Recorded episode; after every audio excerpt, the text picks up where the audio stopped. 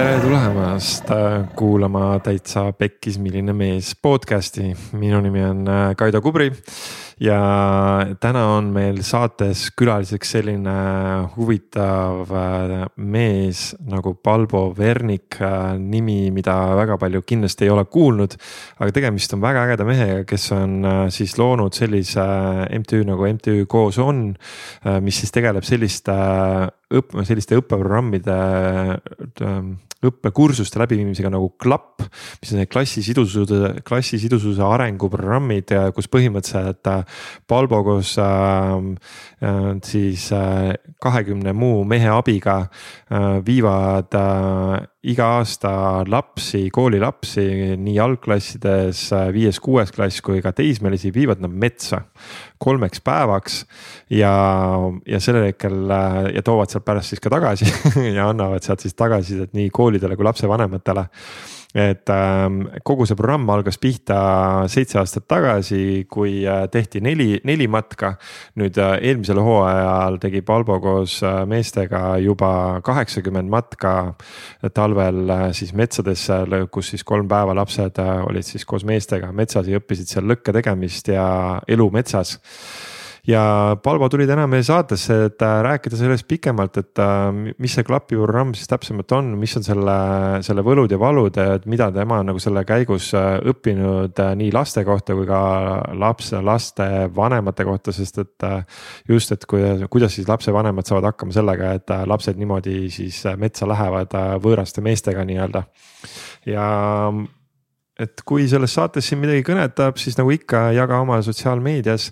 ja tag'i juurde täitsa pekkis saade ja tag'i juurde mind ja siis äh, anna teada, mis sind seal kõnetas ja too mingeid mõtteid välja ka et ehk siis ennekõike on mõeldud see tänane saade siis äh, kuulajatele, kellel on ka endal lapsed äh, või siis, äh, või kui on plaanis lapsi saada kunagi, siis kindlasti tasub siit nagu saab häid mõtteid. ja siis lisaks täiega kutsume teid ka patreon.com kaldkriips täitsa pekkis lehele, kus on siis erinevad võimalused toetada täitsa pekkis podcast'i toimumist.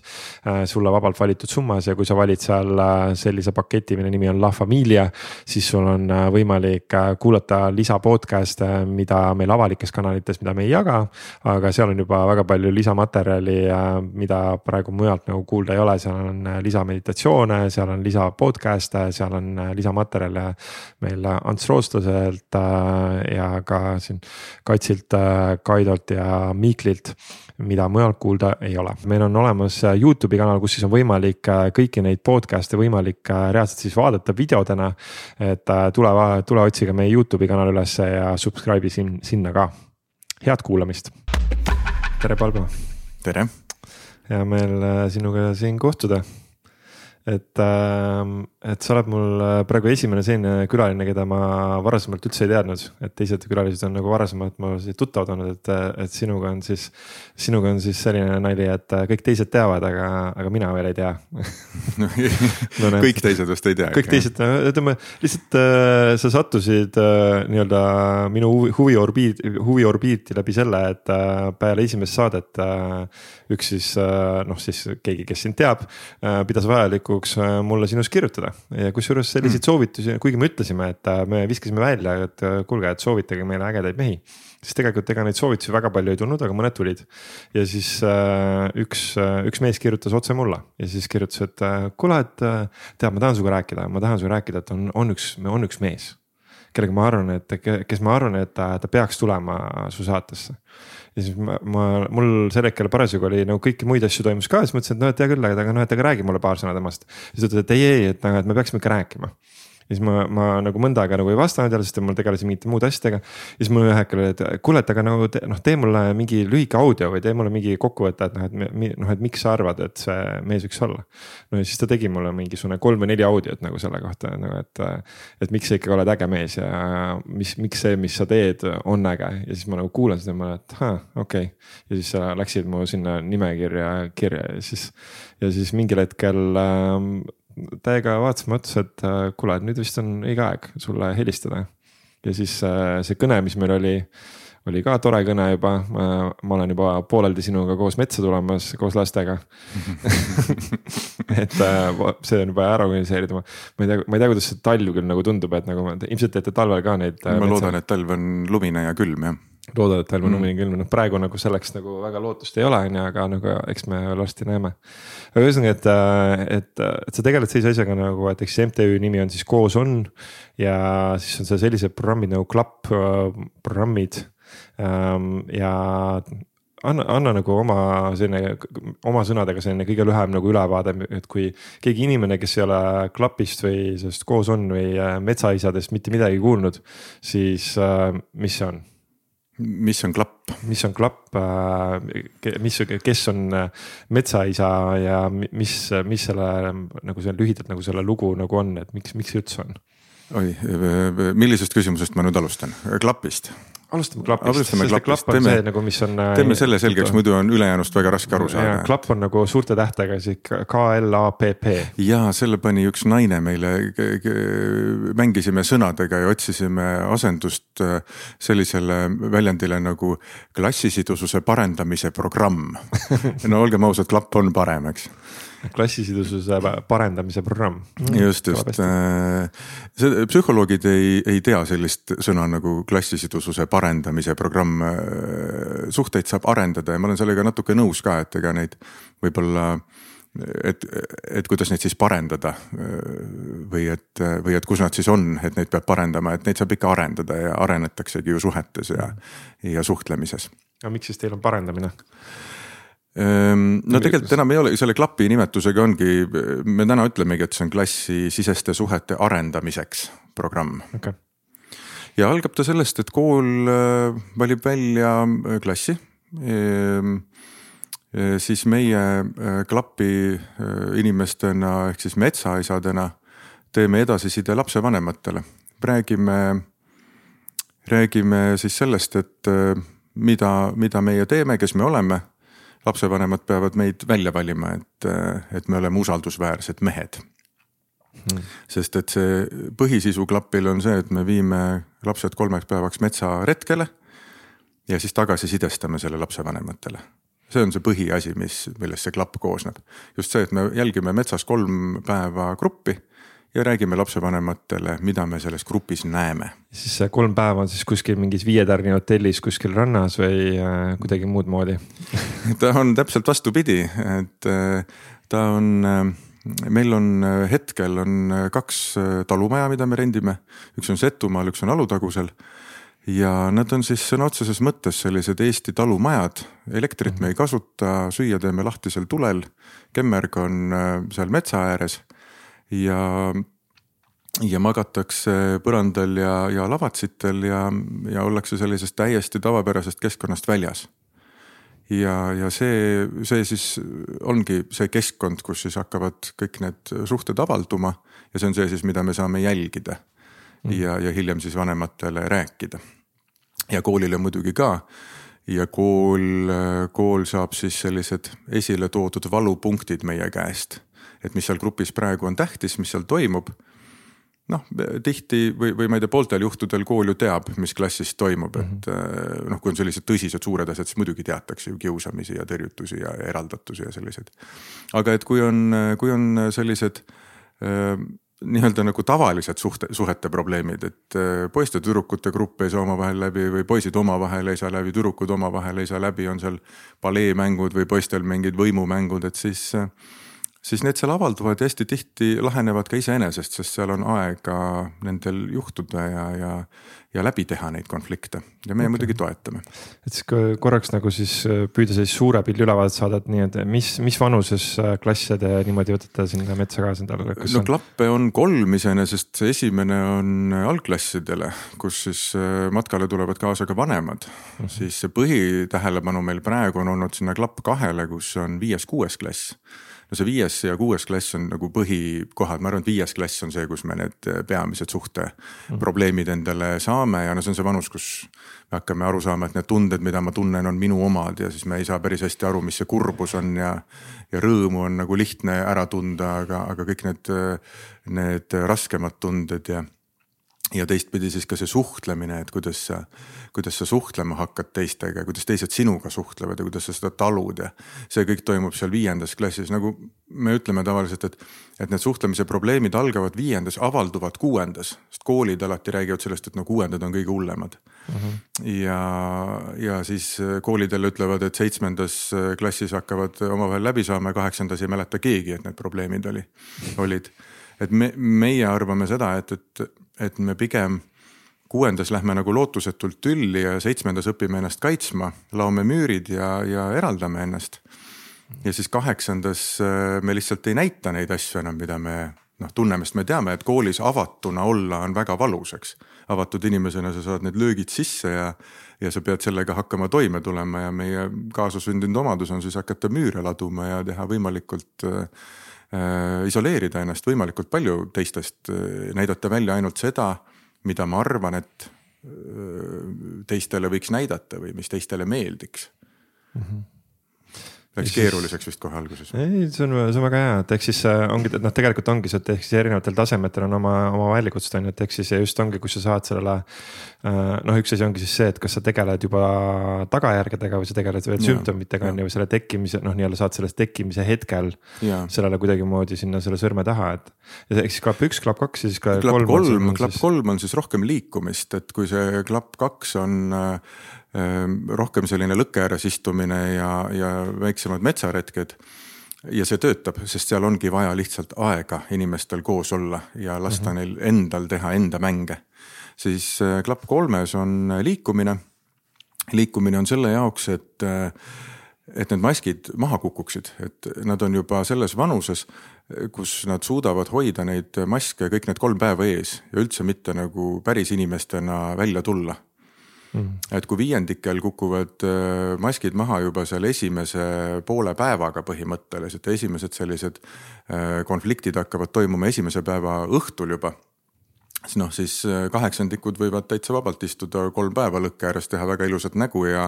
ja samal ajal noh, piltlikult öeldes tegeleda netikiusamisega näiteks seda, selle inimese pihta, kes, kes on täiesti sinu kõrval kasvõi, eks, et. et siis seal on liikumist, liikumine on hästi põnev meie jaoks, meil on äh, üks metsaisa Max, kes on äh, noh, sihuke elupõline liikuja, spordimees. ja tema, tema selle liikumisega alustas nendele seitsmendikele, kaheksandikele ja, ja seal me märkame hoopis nagu, tuleme nagu hoopis uute probleemidega kooli tagasi, noh, alustame seal sellest, et kõnnakud, kõnnakud on käe, rühid on käest ära, kõndida ei osata, kõnnak on käest ära.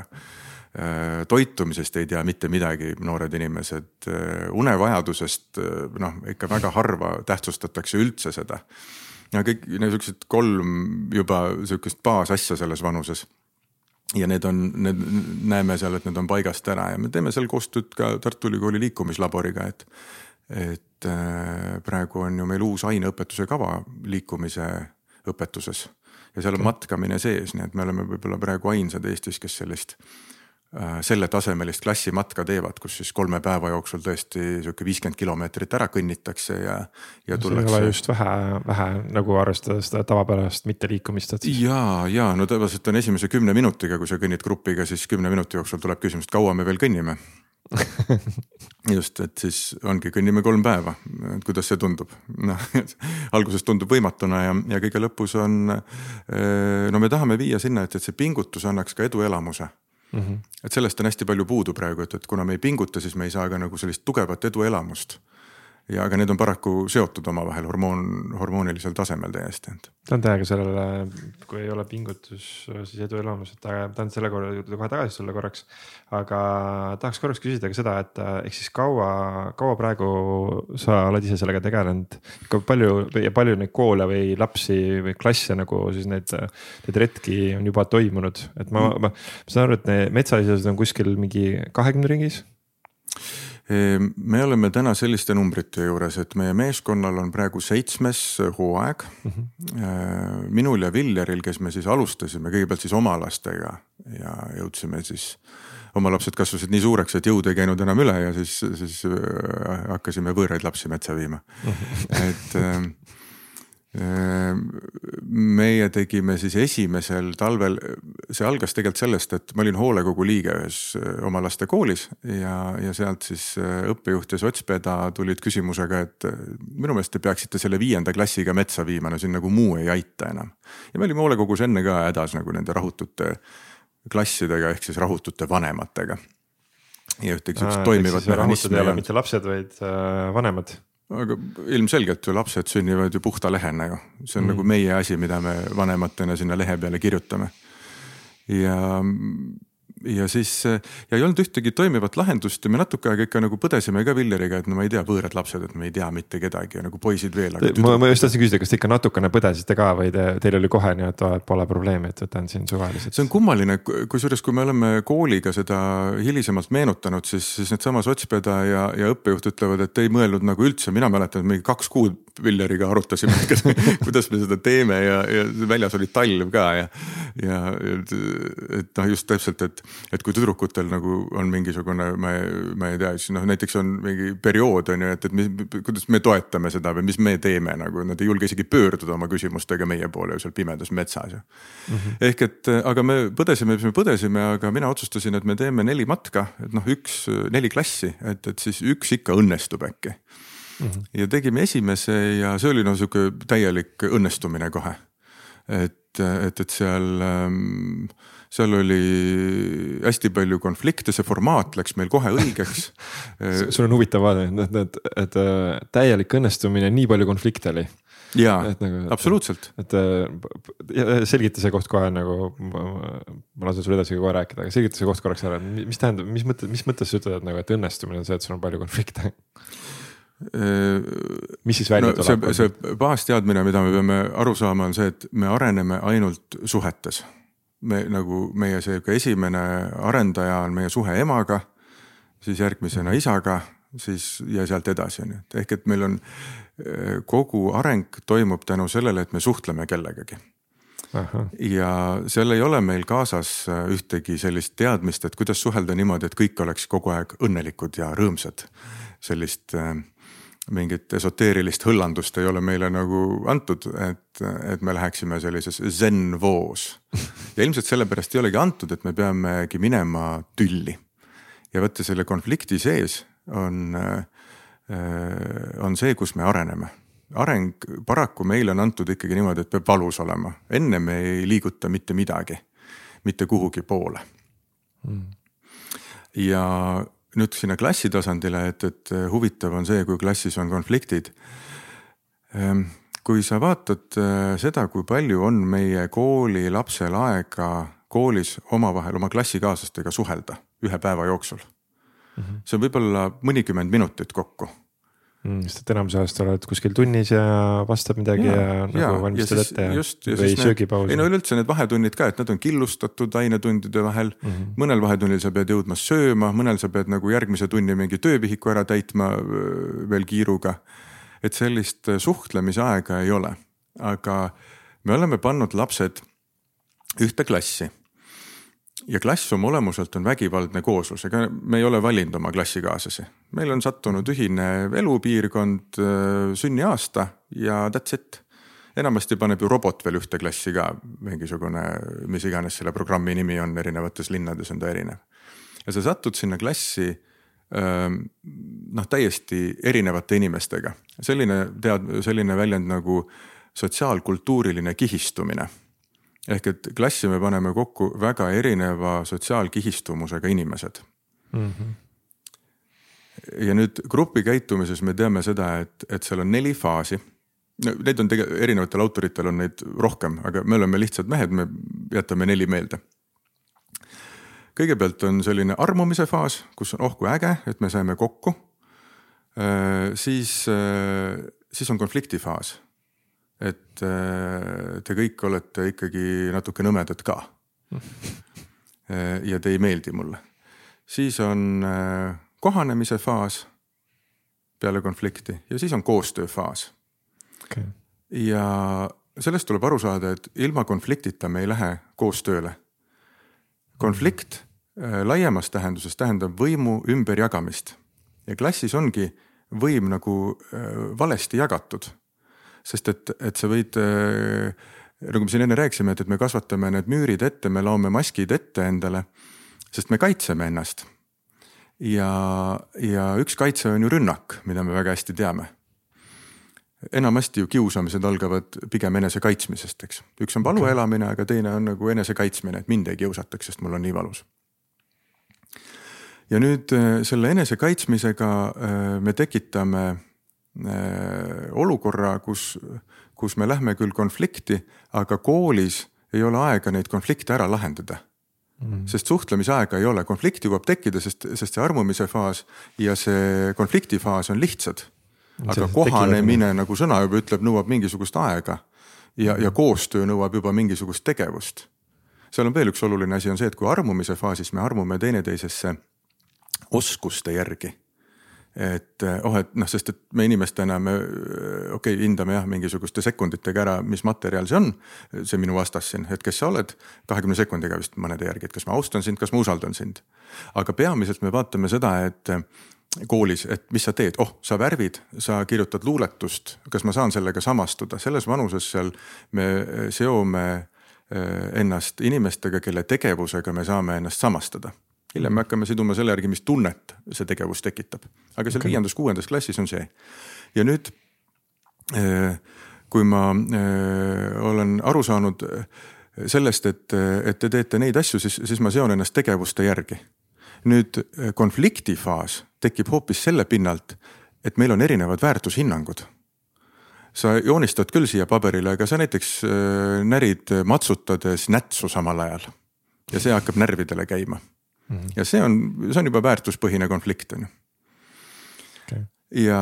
aga selle jaoks ei ole aega, et sellele otsa vaadata, selle konfliktile. ei ole isegi nagu teadmist, et, et üleüldse seda ei ole ka nagu klassijuhatajal ei ole aega, tihti ma märkan ka, et, et ega nad väga ei ole käinud vist seal õpetajate koolis nagu nendes tundides, kus grupi käitumisest räägitakse ja tegelikult võib-olla on ka see, et, et see psühholoogia Eestis üldse on noh, Tartu Ülikooli põhjal hästi palju ongi olnud indiviidipõhine psühholoogia mitte nii väga siis grupi. mitte, mitte nii väga grupi oma, see, see sotsiaalne psühholoogia on praegu väga popuks, popiks muutunud, sest, sest me oleme aru saanud, et me oleme ülisotsiaalsed ja meie see sotsiaalsus on hästi lihtsaks tehtud tänu, tänu siis nutiseadmetele mm. -hmm. nii et nüüd, kui meil on metsamatk ja seal avalduvad konfliktid, siis see on juba kõige parem tulemus, seda on loomulikult vanematel ülikeeruline selgitada ja mõnedele koolitöötajatele ka. kui sa lähed algul nagu nende vanematele seda ideed müüma, sa ütled, et nii, meie eesmärk on see, et me tahame teie lapsed tülli ajada omavahel. ja me tegelikult ei taha, me tahame, et nad ise jõuaksid selle konfliktini. et nad ise tahaksid tülli. ja, see on veel parem tahame luua neile keskkonna, kus nad saaksid omavahel tülli minna. ja, ja see on see, mida me teeme jah, ausõna käsi südamele, aga me teeme seda tõesti puhtast armastusest ja hoolivusest, et mitte, mitte sellest, et. eesmärgiga luua koostööd täpselt, et jõuda sinna ülejärgmisesse faasi. see on seda... päris hea, päris hea järjekord, mida kokku panna, et me, me loome armastusest ja hoolivusest keskkonna, kus te saaksite tülli minna selleks, et me saaksime luua teie vahele paremat koostööd. ja hästi, nagu aitäh selle sõnastamise eest, et me võib-olla me kunagi, kui me nagu, kui meis enam nii hirmsasti ei kahelda, siis me võime selle isegi sloganiks võib-olla teha endale, et. ja, et elagu äh, tingimused, kus konfliktid saavad avalduda aga seda räägivad psühholoogid, psühhoanalüütikud ka täiskasvanud inimeste kohta, et. et kui me loome endale sellise suhte, kus me, ma ei tea, istumegi kõrvuti nagu me siin üle laua ja, ja joome kohvi hommikuti ja räägime logistikast. et ega see suhe meid ei arenda kuhugi, meil on mõlemal nagu all äh, mingisugused teemad, mida me ei taha välja tõsta, sellepärast et me kardame tülli minna. ja kardame me tülli minna ju sellepärast, et me ei tule toime teise poole ärevusega mm. -hmm. ja, ja selle no,. seal tuleb juba terve rida igast hirme, et äh, hirm üksi jääda, hirm maha jäetud saada, hirm teisest inimesest ise üle sõita, nagu kõik, kõik see kombo. täpselt just name it on ju, kõik tulevad mm -hmm. välja nii et, äh, nii et parimad suhted on ikkagi, ma ei tea, kas psühholoogid sellele alla kirjutavad, aga, aga ma arvan, et parimad suhted on ikkagi sellised, kus meil käib konflikte. just, just selliseid, millest me saame õppida ka, näiteks minul ja Viljaril, kes me oleme siis täna siia seitsmendasse hooaega jõudnud.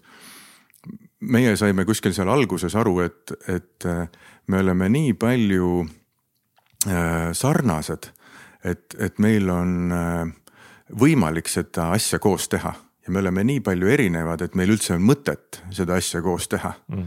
ega me ei ole ka nagu käsikäes käinud, meil on ikka olnud. Äh, olete ka ragistanud ikka? ikka jah, küsimusi teineteisele, et kuule, ma ei tea, minu meelest sa oled loll ikkagi et, et ja, ja, ja nüüd on oluline see, et, et see suhe on nii palju turvaline, et me saame need konfliktid läbi teha niimoodi, et me eh, areneme läbi selle ja see on, et kuna me omavahel suudame seda teha, siis me eh, oleme selle võtnud ka eh, sealt edasi siis nii klapi formaati kui siis nagu eraldi seltskonda need metsaasjad, mis sa ütlesid, see on veel mm. eriti äge kamp mehi kuhu me jäime jutuga, sellega, et me tegime see, selle esimese matka. esimesed, esimese matka, tegite ise, plaan ja. oli teha neli, on ju. ja, esimese matkaga oli kõige parem, konfliktid toimusid, väljas oli selline novembri esimene sihuke miinus kümme. Me käisime Meenikonna rabas äh, päikseloojangu majas, see on sihuke palkmaja. elektrit ei ole, vesi on tünniga kaasas, süüa teeme lõkke peal, no kõik see, mis meil nagu praegugi on ruum on väike. kuidas nagu lapsed seal, kes meil on need tänapäevased nagu äh, nutimaailma lapsed, kuidas nad nagu sõna otseses mõttes selle esimese kümne minutiga maha ei sure seal mm, -hmm. selle kõige keskel. vaata, see on ka nüüd. ja kuul..., ja minema ei jookse. ja kuula nüüd ennast, on ju, mis hirmu pealt sa selle küsimuse esitad, on ju. ja seda, ja seda on vanematel, see hirm on kogu aeg Mm -hmm. et issand jumal, kuidas ta küll seal nüüd hakkama saab, ta on ju mul nagu selline no. mis tähendab juba seda, et sa juba hoiad oma last sellisena mm aga seda me näeme hästi tihti, et me tahame, et meie laps kogeks ainult häid kogemusi. ja siis, kui sa lähed, räägid karjäärinõustajaga, kes on psühholoog ja ütleb, et ma siin karjääriga väga ei saagi tegeleda, ma tegelen sellega, et tudengid tuleks toime ebaõnnestumistega noh, siis me oleme ikka, meie täiskasvanutena oleme loonud eh, põlvkonna inimesi. meeletud kõrged ootused. põlvkonna inimesi, kes ei ole võimelised toime tulema ebaeduga mm ja mis siis selle taga on, et see toimetule ebaeduga, kas see on siis nagu toimetulek läbikukkumistega või siis need ootused on lihtsalt nii kõrged, et, et nendel on. mõlemat nagu, me paneme vastu... vanematena ootused sinna peale ja, ja loome teistpidi hästi sellise vatise keskkonna, kus, kus noh, nagu keegi natukenegi istuli hakkab kukkuma, siis juba on padi alla pandud, et sa jumala pärast haiget ei saaks. Mm.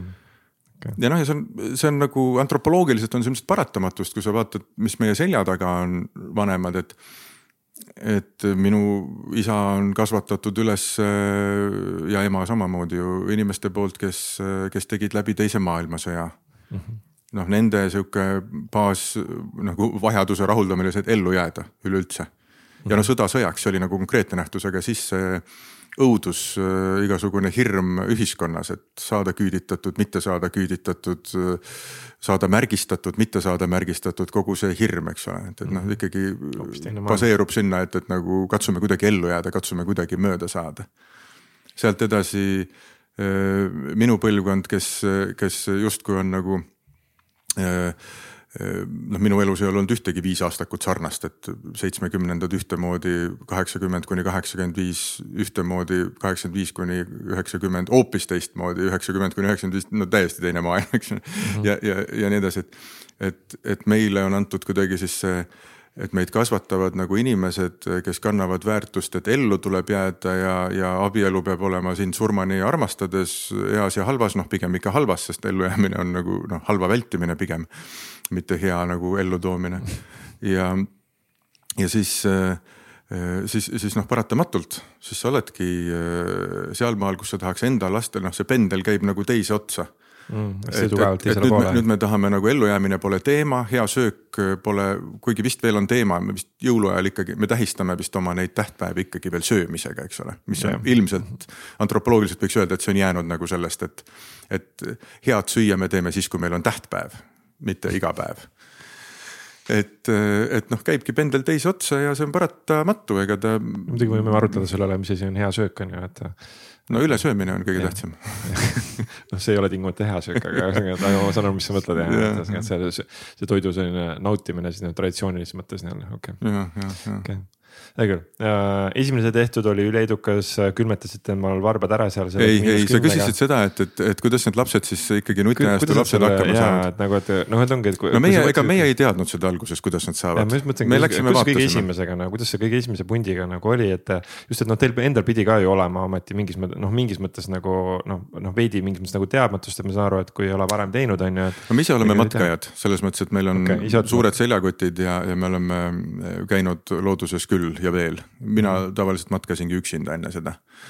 ja, ja see matkamine tuligi või see metsas käimine tuligi minu juurde mingis eluetapis, kus äh, sõna otseses mõttes lihtsalt oli vaja metsa minna.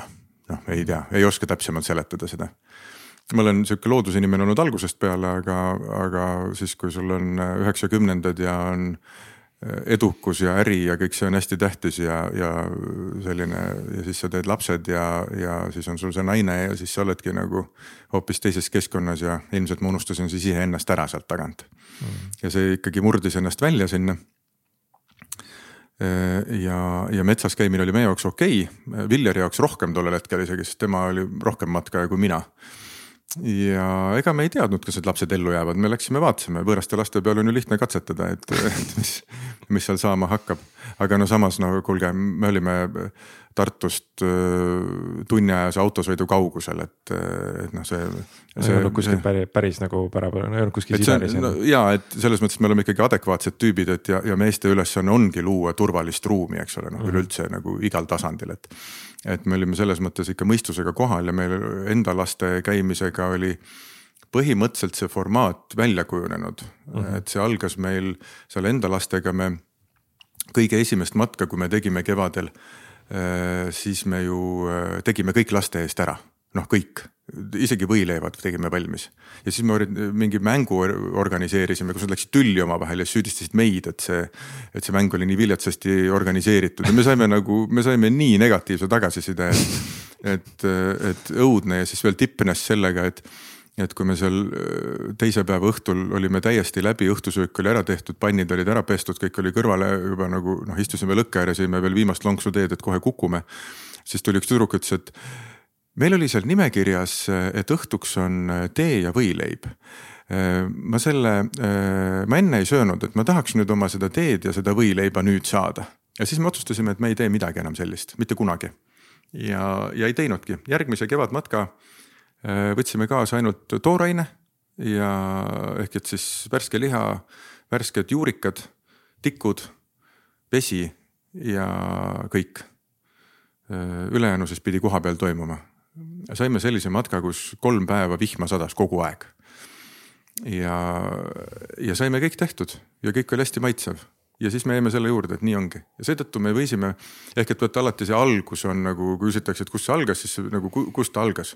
Et mida me alguseks loeme, et meil ei alga siin ju kunagi nagu mingist punktist, meil algab alati kunagi Protsess. varem, kuskilt ja. nagu varem on ju, see võib-olla algas hoopis sellest, et minu vanemad olid matkajad mina käisin kevadeti äh, kooli klassi väljasõidul, me käisime sügiseti kartuleid korjamas kuskil Lehtse kolhoosis, äh, äh, kus olidki sellised tingimused, et pididki klassikaaslastega üksi hakkama saama seal Karja mhm. mõisas, mida tuli kütta ja, ja päeval põllul oli vihm ja pori ja, ja kartulid ja kõik oli äge, on ju, et lõppude lõpuks meelde jäi ikkagi, et oli äge. võib-olla see algas sealt, on ju. no vot ja siis nüüd äh, kõik, kõik, kõik see nagu ära tehtuna, eks ole, siis sa tead, et kui sa lähed äh, klassiga metsa, siis sa tead, et, et noh, see ruum on turvaline, kus ma nüüd olen, et me mm. saame hakkama söögi tegemisega, me saame hakkama nagu majutamisega, me saame maja soojaks, et kõigil on äh, soe ja turvaline olla. Ja esimestel matkadel see umbes nii oligi, et äh, ega me ise ei teadnud, mis grupis toimuma hakkab. meie mõtlesime, et me lähme nagu teeme lihtsalt sellise lõõgastumise retke, aga see, mis avanes, see oli nagu terve uus maailm me ei olnud sellega äh, teadlikult kindlasti mitte arvestanud, aga see tundus üliäge. see tundus äge sellepärast, et meil endal oli neid vastuseid vaja, meil oli endal vaja see viienda-kuuenda klassi asjad nagu läbi käia. ei ole mina kooli hästi sobinud ja ma arvan, et Viljar ka mitte. Äh, sest minule selline äh, laua taga istumine ja, ja teadmiste nagu selline pähe tuupimine pole kunagi sobinud. mul on üldse nagu ajaga kuidagi teistsugune suhe ja ma arvan, et õppimine ikkagi toimub väga kiiresti, kui sul on motivatsioon. Ja, ja, ja kui sul ei ole, siis sa saad välise motivatsiooni, mis on siis, mida kehastab sul õpetaja või lapsevanem ja, ja siis tekib surve ja siis sa surud täpselt sinnasama tugevalt vastu, kui, kui, ähm, kui see surve on. Nii et meile tundus see nagu väga huvitav, täna me Viljariga isegi nimetame seda niimoodi, et me oleme teinud iseendale kooli, äh, kus me kogu aeg õpime sest need. ehk siis te, siin teie nii-öelda nagu metsaisadena juhtida seal nende laste juhtidena tegelikult ise õpite samamoodi. mitte, et samamoodi, vaid meie just õpimegi, need lapsed õpetavad meid seal. ja, ja seal, et kui need esimesed matkad äh, esimesed neli sai ära tehtud, siis oli veel üks oluline tagasiside oli see, et kui me sattusime siis kooli peal kõndima, minul käis veel noorem poeg siis samas koolis ja siis need lapsed, kes olid matkal käinud, need jooksid meid vahetunni ajal nagu jalust maha, et millal me uuesti läheme ja, ja see oli ikka nii äge ja, ja kõik nagu noh, oli aru saada, et see neile tohutult meeldis. mis andis kinnitust sellele, et kui meile meeldib ja neile meeldib, no siis me ikkagi peame tegema seda. ja, ja nii oligi, järgmine talv juba tegime juba kõrvalkoolile ka, et neid matkasid oli siis meil ähm, kümmekond talve jooksul siis me arvasime, et me peaks nagu vanematele neid teadmisi nagu jagama, sest meie jaoks oli see nagu nii äge, mis me teada saime kõik. ja kõik rollid ja maskid ja, ja, ja siis seesama turvalisuse tunne, kuidas me võtame lastelt ära võimaluse õppida ja, ja, ja kõik sellised asjad, siis me üritasime neid vanematele rääkida, kuna me ise olime nii algajad ja see oli nagu meie sihuke suur avastus et, et siis ega vanemad väga ei viitsinud meid kuulata ja olid tööpäeva lõpus väsinud ja siis me jätsime selle lihtsalt ära, hakkasime rääkima lihtsalt, et me nüüd oleme need ja viime metsa ja teeme selle ära ja siis tulge tagasisidele. ja siis, siis me olemegi tagasiside oli meil hästi pikalt selline nagu the core value, see, see põhiväärtus mm, -hmm. et, et seal just hakati äh, aru saama sellest, et, et su laps käitub klassis teistmoodi sest me ju näitame fotosid, meil on siin mingi sada viiskümmend fotot sellest kolmest päevast, mõnel kakssada viiskümmend. ja, ja siis äh, lapsevanemal tekib arusaamine, et, et see äh, see, mis äh, võib-olla laps koju toob, ei ole päris noh, objektiivne, noh, ei olegi, mitte kunagi ei ole ju. ja see, mida õpetaja räägib, noh, on pigem objektiivne, aga ka võib-olla mitte päris. ja siis seal, sealt hakkavad lapsevanematel tekkima mingisugused äh, aimdused, et seal klassis võib päriselt ka midagi rohkemat toimuda kui ainult see, mida, mida laps koju toob või, või mida õpetaja päevikusse kirjutab, eks mm, -hmm. sinna e-kooli. et ehk siis äh, see annab nagu vanematele tegelikult ikkagi laiemat pilku nagu veidi sellest, et äh, mis tegelikult klassi selles ja, keskkonnas nagu toimub. ja, ja nüüd, nüüd me oleme läinud isegi nii julgeks, et me oleme vanematele öelnud, et nii nagu teie oma lapsega kodus käitute, nii käitub tema grupis no see on ikka väga julge lause. ja ma ka algul esimene kord kartsin, aga sa ei tohi seda hirmu välja näidata ja sealt nagu ma küll jätan sinna pausi sinna lõppu. ja siis üritan pehmemate teemadega edasi minna.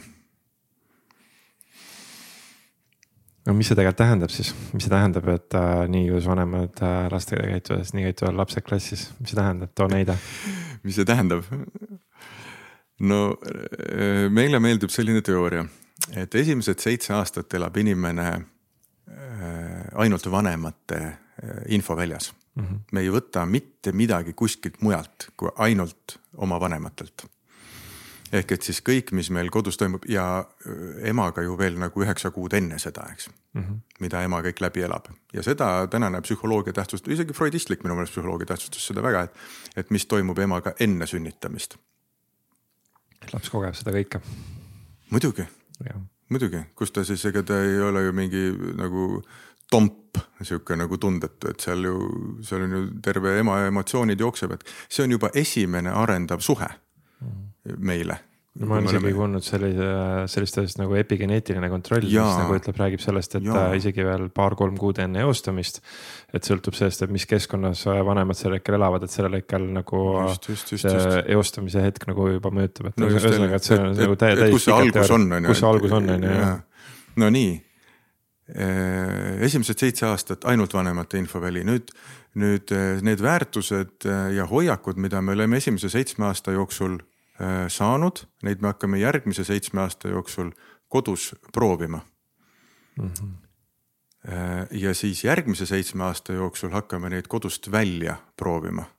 kes siis seitse, seitse, seitse nagu see. ja no seal on üks, üks, äh, üks autor, kelle nime ei mäleta, aga tema ongi inimese elu jaganud seitsme aastast, aastakuteks ja seal on nagu igas seitsmeaastakus on oma asi. me oleme võtnud sealt selle esimese otsa, sest me seal tegeleme, me küll vaatame seda teist otsa ka, kus me ise oleme aga, aga praegu. seda ei ole nii väga vaja vaadata, et nagu las ta juba, las see läheb nii, nagu ta läheb, on ju. ei, ei, ei vastupidi, vastupidi, seal on väga suur teadmine, näiteks äh, nelikümmend kaks kuni nelikümmend üheksa me hakkame valmistuma noh äraminemiseks, noh. no väga tore, aitäh, et sa sõnastasid mulle, ma, mulle, mulle just sellest samast seitsmeaastakutest räägiti see aasta sünnipäeval ja ma just sain nelikümmend kaks. noh, palju õnne. ja siis äh, just, ja just öeldi, et ja näed, sa alustad oma seda nelikümmend kaks kuni nelikümmend üheksa seitsmeaastakut nüüd, et, äh, et see. ja just, et see nelikümmend üheksa pidi olema, et ongi, et see nelikümmend üheksa on ka tegelikult oluline aasta, et see on just, et annab sulle veel selle aasta enne viite, viitekümmet nagu vanadel eestlastel oligi nelikümmend üheksa oli suurem sünnipäev kui viiskümmend ma ei tea, kus äh, Vigala Sass rääkis sellest, aga äh, et seal on, seal me hakkame justkui nagu tagasi andma neid teadmisi, mida me oleme saanud. Ja see on see koht, kus mehed väga tihti eksivad, et me üritame nagu püsida seal pjedestaali esikohal nagu elu lõpuni, see ei ole võimalik. Äh, me peamegi pöörama nagu, astuma sealt pjedestaalilt mitte nagu teisele kohale või kolmandale kohale, vaid pjedestaali kõrvale. ja hakkama aitama neid, kes sinna pjedestaalile just tulevad ehk siis see on ronima. nagu kõigile nendele meestele, kes äh, arvavad, et noh, nüüd noh, et jah, just, et meestele nagu selle koha peal, et kui oluline on see tagasiandmise koht, eks. ja, ja, ja no mm -hmm. mina olen, kui vana mina olen, nelikümmend kaheksa kohe sellel nädalal, et Ehm, et minul, mina väga teadlikult suhtun sellesse, et, et see ei ole enam see koht, kus ma tahan kõiki maratone võita ja, ja äris tingimata tippu jõuda ja. ja see ei ole enam see aeg, see on see aeg, kus on vaja tagasi anda. ja, ja ise läbi selle, läbi selle areneda, mitte nagu eneseotsimise, vaid just nagu eneseotsimine läbi teistele tagasiandmise mm,. läbi panustamise. ja, ja see on väga, aga nüüd sinna skaala esimesse otsa tagasi, et et äh, siis see lause, et, äh, et nii nagu teie, teie lapsega, nii laps äh, keskkonnas. et nüüd seal see teine seitsmeaastast aasta, kuidas see eestikeelne sõna on? seitsme, viisaastak, seitsmeaastak, seitsmeaastak. seitsmeaastaku teine ots ongi ju siis viies-kuues klass, eks, mhm. üksteist, kaksteist, kolmteist, neliteist seal ja see ongi see, kus nad proovivad kodus kogetut väljas või vabandust, noh nagu kodus teha seda. ja, ja hakkavad üle minema sellesse, et, et me hakkame seda nüüd väljas proovima, ehk et siis nad proovivadki seda klassis äh, kodus, vanemad hakkavad hulluks minema, sest et äh, tuleb kohe mängu selline sõna nagu puberteet. ja, ja see. millega on hea kõik ära põhjendada. ja jällegi nagu äh, selline hea kognitiivse dissonantsi lause, et ah, tal on ju puberteet, muidu oli hästi tore, aga noh, küll see läheb tal üle. selle asemel, et sa peaks nagu, puberteet on vanemate puberteet. et sa mm -hmm. pead nagu vanemana sellel hetkel ise muutuma hästi palju. ja, ja kaasa minema sellega, et sa pead üks definitsioon puberteedile on see, et laps hakkab ette valmistama selleks, et ta läheb su juurest ära ühel päeval ja nüüd, kui sa paned selle sellesse konteksti, et kui sa oled, et kui sa oled lapsele teinud äh, äh, piirid. piire me peame kehtestama lapsele, sellepärast et muidu tervet maailma on liiga palju mm. -hmm. piiride sees lapsena me tunneme ennast turvalisena muidu, kui sul on nagu terve maailm käes, siis, siis sul tekib tunne, et sinust ei hoolita üldse, see on täiesti ükskõik, sa pead ise hakkama saama nagu kõigega. nüüd äh, piirid on olulised, asi, kus, kus lapsevanemad eksivad, on see, et me teeme nendest piiridest raamid. ja raame, raame ei saa nihutada, piire saab nihutada vastavalt vanusele järgi järjest. piiride mhm. sees me lapsena hakkame proovima neid piire ületada. selle järgi me lapsevanemana saame aru, et ah, mis on hea lihtne näide sa tahad olla, sa ei taha minna enam kell üheksa magama, sa tahad minna kell kümme magama, okei okay,, proovime. järgmine päev jaksasid koolis käia, trennis ka, see nädal on täiesti okei okay,, kui sa kell kümme oled, selge, sulle sobib kell kümme teeme selle piiri nüüd kümne peale mm,. Okay. nüüd, kui sul on raam, siis sa raamina ütled, et äh, mingit juttu ei ole, kell üheksa magama ja ongi kõik sest et vanem on näiteks harjunud sellega, et lapsed lähevad kell üheksa magama ja peale seda on oma aeg ja saad oma, ma ei tea. just, just nimelt ehk et me ei aktsepteeri seda, et meie laps on jõudnud järgmisesse arenguetappi mm. -hmm. areng on etapiline, igas etapis me peame saama läbi teha selle, mis me selles etapis peame tegema. kui me selles etapis seda läbi ei tee siis me teeme selle mingisuguses, no need etapid hakkavad nagu korduma oma olemuselt ja siis sa teed neid hiljem läbi.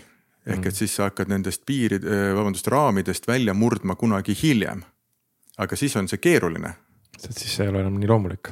ja, ja, ja see on ka kummaline, noh nagu, et kui sa kahekümne kaheksa aastaselt hakkad äh, seletama endale, et ei, et ma võin küll hiljem magama minna, sellest ei juhtu midagi. noh, siis see on nagu, see on noh, me nimetame ikkagi neid nagu lapsikuteks või et nad ei ole nagu sealmaal. aga see oli hästi nagu sihuke lihtsustatud näide. aga põhimõtteliselt, kui me lapsevanemana neid raame äh, ehitame ja jätamegi nad paika, siis on ilmselge, et selles vanuses, kus, äh, kus me lapsena tahame proovida, mis tunne see on Äh, kui, kui, kui ma olen kodus saanud mingi kogemuse, mis tunne see on, kui ma ise loon selliseid tundeid väljapoole.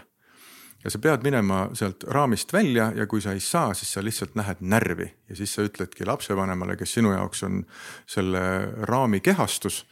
ütled, et käi ka noh, sinna kohta. ja nüüd on küsimus, mida lapsevanem teeb selle peale, et kui, kui küps sa ise oled selles vanuses. Äh, enamasti me ei ole väga küpsed või siis vastupidi, me oleme liiga küpsed, kus me ei taha enam muutuda, mis on tänase päeva probleem, et me saame lapsi noh, nagu selles mõttes hilja, et me ise oleme nii välja kujunenud juba, et me ei ole nõus enam midagi muutma. me oleme mm., me tahame hoida rutiini ja, ja kõik asjad peavad jääma nagu samaks. ja sealt tuleb see lause, et, et kallis laps, sa olid nagu, sa meeldisid mulle varem ikka nii palju rohkem no kuradi lause see sihuke on, on ju, et, et nagu sihuke hästi tappev on ju et eh, mina konkreetselt, mina ei olnud küll puberteediks, enda laste puberteediks üldse valmis. ma arvan, et enamus vanemaid ei ole, täna vist on nagu mingi põlvkond tekkinud, kus on ähm, noored mehed on nii palju teadlikud juba, et selles nagu nii palju meie infoväljas juba räägitakse kõikidest asjadest, et nad on juba, ma ei tea, viimased seitse aastat juba kuulnud mingisugustest lapsevanemaks olemise nagu taustasjadest mm. -hmm aga no mind piltlikult kasvatati Spoki järgi, õnneks küll mitte nagu ülekantud tähenduses, mitte otseses tähenduses. aga noh, ajastu oli selline ja, ja kust ma, kust mul pidid olema siis need teadmised, et, et ja üleüldse meil oli siis ju mingi kahe tuhandendate algus siis nagu sada muud probleemi oli majanduslikus ja sotsiaalses mõttes on nagu see, et mm -hmm. kuidas lapsed seal, mis asja nemad õnneks mul on läinud hästi, mul on nagu väga mõistlikud pojad ja, ja, ja väga mõistlik eksabikaasa, et me nagu tundub, et läks hästi sellega, et nüüd, kui nad suured on, saab aru, et, et et saavad hakkama. et nemad saavad hakkama ja mina saan ka selle tundega hakkama, et ma siis nagu ei osanud midagi paremat teha kui see, mis ma parasjagu oskasin, et mul on endal nagu vanemana tekkinud see tunne kuidagi, et või noh, mingil hetkel algul kuidagi tuli see taipamine või kuidagi arusaamine ära, et noh, et me mingit moodi nagunii keerame oma lapsed pekki.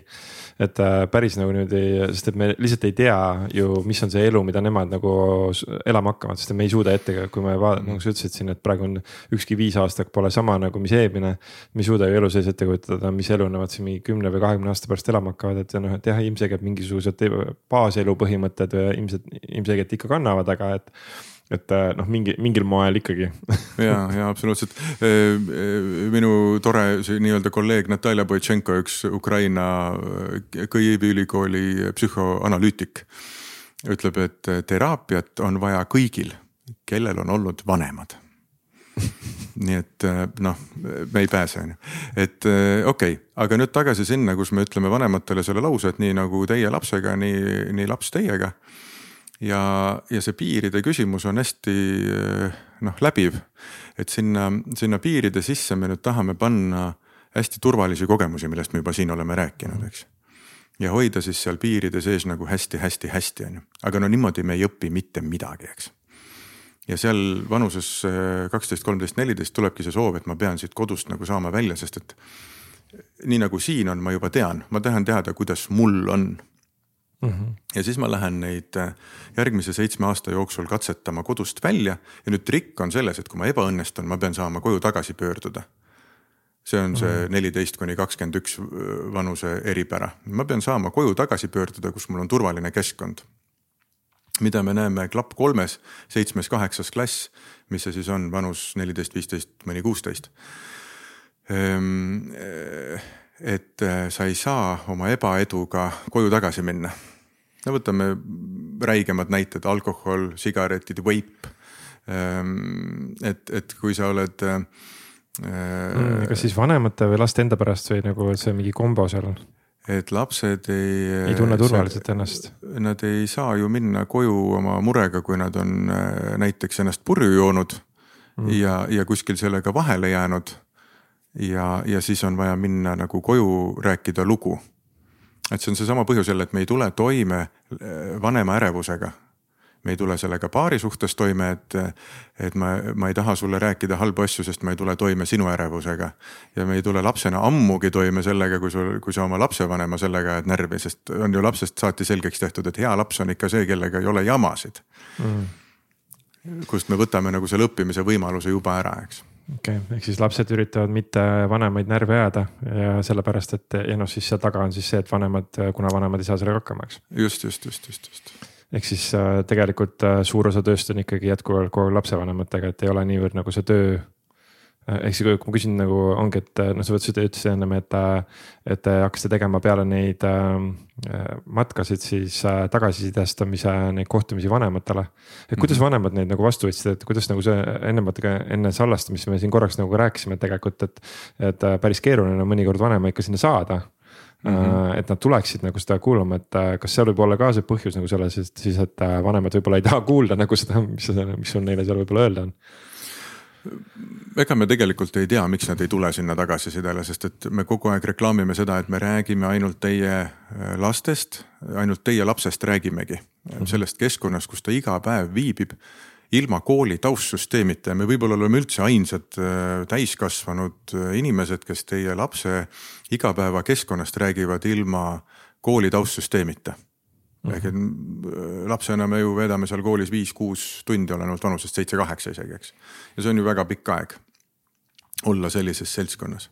ja, ja miks vanemad siis ei tule tagasiside koosolekule ma olen arvanud ainult seda, et, et kuna mõnikord mõned klassijuhatajad suudavad teha nagu neid äh, klassijuhataja koosolekuid üliaeglaseid ja venivaid ja, ja. ja siis ei noh, isad ei viitsi sinna ammugi tulla, sest no mida me nämmutame, et kas see toiduraha on kaks kuuskümmend kolm või kaks kuuskümmend viis nagu, nagu kedagi ei huvita.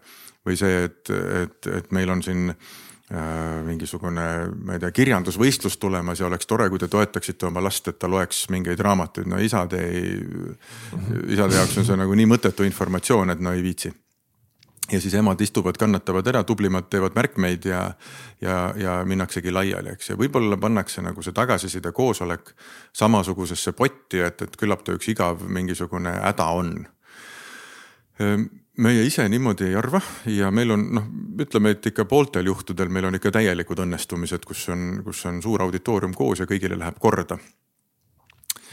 ja, ja ega me ei räägi ju ainult sellest, et noh, et sõitsime bussiga ja, ja siis tegime lõket ja siis tegime suppi ja siis kõndisime edasi ja no me noh, see on ka, aga, aga nende tegevuste sees hakkavad välja tulema siis need, ehm, need äh, suhtlemiste kitsaskohad mida nagu näha on. Ja need võiks lapsevanemale huvi pakkuda. Noh, ja ilmselgelt ei saa kõik lapsevanemad olla nagu sellised küpsed, teadlikud ja kõik, ma ei tea, mingi on, inimesed elavad ka nagu heas mõttes nagu lihtsaid elusid, noh, ei pea analüüsima, nagu me siin kogu aeg mingi elu mõttest kuni selleni, et kust mul see hirm tuleb ja. ja miks ma niimoodi käitun ja, ja midagi sellist, et, et kui sa eladki oma elu nagu lihtsasti, et siis ähm, siis sa võiksid äh, nii palju nagu tähelepanu pöörata oma lapse pihta, et et, äh, et kui keegi sulle nagu avali seda räägib ja noh, me üldiselt oskame ka juba välja tuua mingisuguseid põhjus-tagajärg seoseid, et see ilmselt on teil sellest või et. et needsamad jutud, mis me siin räägime, needsamad piirid ja maskid ja rollid ja kõik sellised sellised asjad tulevad meil seal tagasiside koosolekul teemaks ja need võiksid olla nagu natukene noh, ma ei tahaks kasutada sõna harivad, kuigi seda kindlasti, aga, aga just nagu sellist nagu fookust viivad, et, et noh, vaadake nagu seda asja, pöörake sellele rohkem tähelepanu, et, et, et kuidas te oma lapsega päris, päriselt äh, aega veedate, et. et kui näiteks edasiside koosolekul on vanematel väga tihti küsimus, et kas te telefonid korjate ära? ei korja aga miks te ei korja, mis spordilaagris küll korjatakse. no me, me ei korja ära sellepärast, et me, meil ei ole see probleem seal, et seda sotsiaalsust on nii palju, et neil, nad ei, nad panevad nad ise ära ja tsiviilkaitse ütleb ka, et metsa lähed, laetud akuga mobiiltelefon kaasa äh, et sellised hirmud on ja siis, kui me tagasisidet anname, no siis, siis on näha fotodelt, et ega keegi ei ole telefonis. ja see mhm. võiks nagu tekitada seose inimese peas, et et kui see jõuluvana, noh, keda tegelikult pole olemas, on toonud selle telefoni, mille lapsevanem on ostnud ja siis vanem nagu tahab seda nagu, et kuulge, minge võtke talt see telefon ära, ma tahan, et ta õpiks lõket tegema ja, ja loodusega suhestuma seal selle kolme päeva jooksul. siis meie seda vastutust ei võta, eks me ei hakka ümber kasvatama kedagi, aga, aga täiskasvanud inimese peas see võiks tekitada seose, et, et nad mitte ei ole telefonis sellepärast, et telefon on nii palju meeldiv, vaid see ülejäänu on nii vähe atraktiivne mm ja kuida-, et küsimus ei ole, kuidas sa lapse saad äh, telefonist välja, vaid mis on see alternatiiv, mis sa pakud talle. ja kui see alternatiiv ongi see, et lähme nüüd, äh, tule minuga, kõnnime mööda loodusrada natukene, siis seda on vähe, see ei ole asi, mis, mis käivitaks. aga noh. Lähme teeme metsas lõket ja, või et võta oma sõbrad kaasa, kes sul on, et lähme teeme, tulge näidake, mis te klapil õppisite näiteks, et no mitte, et me õpetaks midagi, et te ju lõket oskate pärast seda teha, et. et tulge, tehke, näidake mulle, kuidas te teete seda, ma ju ei tea näiteks et me näiteks äh, praegu ju noh, just ise eile käisin, äh, üks, üks mu sõber on ju, kellel on siis äh, teismeline poeg, mingi kaheksateistaastane poeg ja siis ta põhimõtteliselt ta, ta on kokku pannud sellise raamatuklubi, kus ta siis nii-öelda, nad võtsid ühe raamatu ja siis sellesama poja sõbrad, ehk siis neil on seal mingi kolm paari, poiss-tüdruk, poiss-tüdruk, poiss-tüdruk ja siis mingi paar poissi vist veel, et ühesõnaga mingisugune selline kümmekond noort. ja siis lihtsalt noh, selle nii-öelda selle ema juhendamisel siis õpivad, õpivad raamatut. Ja siis ja sellest võtavad ühe peatüki korraga et äh, seal konkreetselt äh, praegu neile, nendel on selline raamat nagu see Roland Tocco kaksteist asja, mida sulle koolis ei õpetatud mm. -hmm. ja, ja võtavad lihtsalt ühe peatüki kaupa ja lihtsalt kaks tundi istuvad koos ja räägivad sellest teemast mm. -hmm. ja siis eile oli just suhete teema, siis ma olin ka seal kaasa rääkimas ja just see, et nagu, et sellel hetkel, kui tegelikult anda neile see ruum, siis tegelikult noored väga palju küsivad ja sellel hetkel neil ei ole seda tehnika poolt, neil ei ole vajadust, nende, sest tegelikult neid küsimusi ja neid arutelukohti, neid on tegelikult nii palju. muidugi on ja... meil on ikka enamus küsimusi on lastele vastamata sest me ei ole lasknud sellel küsimusel üldse üles nagu tekkida. me ei ole nagu seda ruumi ei ole nagu üldse ja. nagu tekkinud, et ma ütlesin, ütlesin ja. eile ka neile, et ütlesin, et nagu, et äh, nii äge, et nad teevad seda, et just, et. et neil üldse on see ruum, noh, mina, mina tõin ka selle perspektiivi juurde, kuna ma ise töötan väga palju täiskasvanutega, ma tean ka seda, et isegi täiskasvanutel pole sellist ruumi, kus nad saaksid jagada mm -hmm. ennast nagu nii nagu tahavad, on ju, ja noh, mhm. kuna täiskasvanud ei ole, siis ega noh, selle, ma arvan, et ka sellest tulenevalt. Need täiskasvanud ei oska ka lastel neid ruume nagu luua et ehk siis äh, selles mõttes nagu on noh, ülivägev, mis te nagu teete, et ongi, et te pakute lastele selle mingi sellise ruumi, mida tegelikult isegi võib-olla nende vanemad ei, no võib-olla isegi ei oskagi, ei oskagi luua? Ja mitte, et võib-olla, vaid äh, üldse ei oska, sest me oleme tihti ka välja pakkunud ju mõnedes klassides, kus on aru saada, et, et, et seal aitaks veel paar matka, kui teha. Noh, et mm, -hmm. et näiteks äh, poiste-tüdrukute omavaheline suhtlemine, et meil matkal sai, ähm, sai selgeks, äh, mingid lingid hakkasid tekkima, mingid indiviidid rahunesid maha, hakkasid omavahel normaalselt suhtlema et nüüd äh, nad on ju nii dünaamilised, et, et nüüd selle jaoks, et nagu hoida seda, peaks veel tegema paar sellist väljasõitu, kus mm -hmm. nad mhm. saaksid vabas vormis suhelda.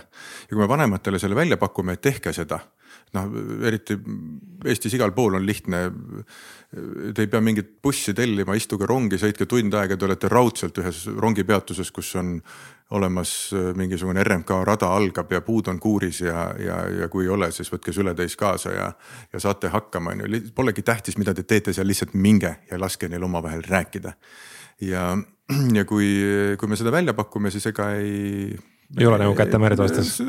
mitte midagi ei juhtu mitte midagi. aga, aga nagu, aga anna siis oma teevad, selle seitsme aasta jooksul nagu teil on siis kokku käinud, ma vaatasin mingi üle tuhande viiesaja lapse vist midagi sellist ja, ja palju neid äh, matkasid on umbes siis olnud mingi kümmekond. ma ei ole neid matkasid kõiki kokku lugenud, no eelmine hooaeg me tegime kaheksakümmend ja praegu ja, ja praegu me oleme numbri juures, hetkel toimub meil neljakümne 40 Äh, esimene matk. no ühesõnaga mitte nagu, mitte nagu neli enam nagu hooaja peale. ja me oleme ikka... hästi-hästi ruttu, selles mõttes ruttu kasvanud, et meie kasv hoogustus sellest, et meid võttis toetada fond Aitan lapsi mm. -hmm. ehk siis äh, järgmine kord, kui sa viid ära pudeleid ja seal on see küsimus, et äh, kas sa võtad selle raha endale välja ja saad selle eest endale mingi paar-kolm euri äh, soodsamalt endale midagi poest osta. või siis sa annetad selle raha, siis see äh, pudelite annetuse raha läheb sellesse samasse Aitan lapsi fondi. ja, ja, ja nemad, nemad on meid toetanud, nende nagu toetusest algaski see, et hakkas Tartu linn meid tõsiselt võtma et noh, ma arvan, et selliseid mehi, kes nagu lapsi metsa viivad, eks neid Eesti peal on kindlasti veel ja, ja see. ja ega ei peagi kohe tormama neid nagu omavalitsust toetama rahaliselt, et mm. -hmm et aga, aga see muutis meie jaoks hästi palju, sest et äh, siis me muutusime rahaliselt tõsiseltvõetavaks, Tartu linn leidis, et jah, kui te nagu tõsiselt teete, siis me ilmselgelt toetame, noh nagu ikka, sul on kõige raskem on leida esimest toetajat, eks mm. -hmm. ja aga me ei teinud mingit väga suurt tööd, et üldse nagu rahalist toetust leida, see kuidagi on meie arenguga nagu kaasa tulnud sõna otseses mõttes. ja siis Äh, siis muutus nagu kogu rahastamine lihtsaks, minul oli algusest peale teadmine, et kui me selle klapi üldse tahame nagu elujõuliseks muuta, et siis me peame teda rahastama, et noh, muidu me lihtsalt nagu noh, hobi korras sa teed seda mingi ajani ja siis sa lihtsalt ei viitsi enam, aga siis me oleme, ja me oleme mingi suure asja ära teinud ja siis me lihtsalt viskame ta nagu kuurinurka ja, ja noh, ei juhtunudki midagi. Mm. -hmm et äh, rahaliselt tuleb toetada ja no ja nüüd on, nüüd praegu on Punane Rist äh, tänu noh, tänu äh, sõjale toetab Ukraina lapsi ja, ja siis samamoodi siis toetab meie klapp Ukrainat, mida me teeme siis klassidele, kus on Ukraina lapsed sees mm. -hmm. nii et, nii et see on see teekond olnud alguses oli meid kaks, meil arvati, et ega te ju noh, te teete isikupõhiselt, et ega te ei saa kunagi nagu suuremaks minna kui noh, sina ja Viljar. no mina arvasin, et no ei saa olla niimoodi, et on ainult kaks meest, kes saavad seda teha. et, et siis me võtsimegi, otsisime ja kuidagi, ma ei tea, kas me just otsisime, aga tuligi kuidagi juurde Max, kes, kes on matka ja spordimees ja, ja tõmbas selle liikumise suuna kohe nagu minema ja, ja siis me saime aru, et on küll võimalik nagu ja me võtsime vabatahtlikke, nii et me tõmbasime, kui me alguses istusime esimesed äh, kaks ja pool aastat Viljariga kahekesi seal lõkke ääres äh, päevade ja ööde kaupa lahendasime neid konflikte, siis, siis me tõmbasime Viljariga ennast äh, lahku ja hakkasime vabatahtlikke võtma endale kõrvale. Mhm. -huh. ja see on jah viinud nii kaugele, et, et meid on siis selline seitse põhimeest kes siis kannavad formaati ja, ja on varustatud ja, ja vastutavad siis kogu selle klapi läbiviimise eest, kogu programmi läbiviimise eest. ja siis meid on kuskil sihuke kümme-viisteist vabatahtlikku, kes siis äh, igal matkal on kaks meest, kui on suuremad grupid. praegu me oleme jõudnud ka sinna, et me teeme üksinda kui on väiksemad grupid, aga siis alati üks teine metsaisa on nagu nii-öelda valves, et kui tundub, et grupis on nagu vaja sihukest manpower'it juurde panna, siis ta süstib lihtsalt kahe tunni jooksul nagu metsa järgi mm. -hmm. aga lihtsalt, et kuna meile, me ei, me ei saa mehi nii kiiresti metsaisaks selles mõttes. ma ise see... mõtlen ka nagu, et noh, ma, ma võin noh, ma võin sinna rongi peale võin istuda ja sinna RMK majja ma jõuan ka kohale ja need puud ma leian sealt kuurist üles, aga nagu noh, siis seal järgmisel hetkel on niimoodi, et nii, mis, mis nüüd edasi on ju. et tõenäoliselt seal, et, et isegi ja, ja mina ei ole ka kõige, kõige noorem veel on ju, et ma, mul on ka ikkagi kunagi mingi taust on nagu all, et mingid laagrid kunagi ja nii edasi. et eks natukene peaks ikka meelde tuletama mm -hmm. eks, et kui, kui keegi tahaks äh, nii-öelda nüüd viskaks välja, et kui te keegi, kelle, kedagi praegu nagu peaks hullult kõnetama, mõtleb, et kuule, see tundub täiega äge mõte, tahaks näiteks tulla vabatahtlikuks võib-olla toetada, et. et mis, mis on, aga mõtleb nagu, et ahah, ma ei tea, kas ma nüüd saaks hakkama. et siis noh, nii-öelda, mis see siis on, mis sealt siis nagu vaja oleks. motivatsiooni, sisemist motivatsiooni on vaja. ja siis, mis, mis on siis äh, mingid esimesed asjad, mida seal siis nagu õpi, ise juurde õppida sul on lihtsalt sisemist motivatsiooni on vaja, et äh, tule lihtsalt kaasa pane ennast niimoodi riidesse, et sa saad nagu kolm ööpäeva õues maja lähedal olla. et äh, see, see tundub nagu siit soojast ruumist vaadates, et see on jube keeruline. aga päris päriselt, kui sa paned ennast vastavalt riidesse, siis, siis see ei ole mingisugune Eestis sihuke ületamatu asi, seda enam, et mm. nagu köetud maja on seal kõrval ja lõke põleb meil platsi peal kogu aeg ja, ja kõik ülejäänud oskused sa õpid seal kohapeal lihtsalt, ega seal muud ei ole ja, ja kui sa oled öö, oskuseid hakkad õppima, siis sa paratamatult nagu hakkad ka teadmisi omandama. Ja kõige lõpuks, kui sul tekivad ka kogemused, siis sa oledki juba, juba sealmaal, kus sul hakkab oskuste, teadmiste ja kogemuste tasakaal ehk siis tarkus öö, toimima aga see on tõesti mingi arv kordi peab seda tegema mm. -hmm. ja, ja ega seal nagu jälle ei saa trepiastet nagu vahele jätta, et sa pead. no ma saan aru, et äh, neid, äh, kuna neid retke on nii piisavalt palju, et siis äh, noh, neid kaasalöömishetke või kaasalöömise võimalusi on piisavalt. ja, ja lihtsalt andke teada, andke lihtsalt julgesti teada, ma juba ette ütlen, et siiamaani on selliste üldiste üleskutsete peale tulnud, mis sa arvad, mitu meest on tulnud? no mitte väga palju võib-olla no kui ma, kui ma ei eksi, siis need on kindlasti olnud kaks, äärmisel juhul kolm. Ja ma olen, ma olen seda välja öelnud Elmari raadiosaates Ikikai, ma olen seda öelnud õhtusaates, mis peaks olema nagu prime time, ainult mehed ja pereisad peaks vaatama seda. ja, ja siiamaani ei ole julgenud jah, et. no et kui, kui, kui nüüd keegi järgmine mees nagu keegi see teema kõnetab, siis ütle, et see, kuule, et ma kuulsin Täitsa Pekkis saatest ja siis vaatame nagu, kui palju Täitsa Pekkis saates äh, siis nagu ja. seda kedagi kõnetas, aga, aga ja, et aga, aga siis selle peale sulle küsimus, et äh, aga siis miks ei tule, miks, miks äh,, miks, miks ei kõneta või mis, mis seal siis see taga on?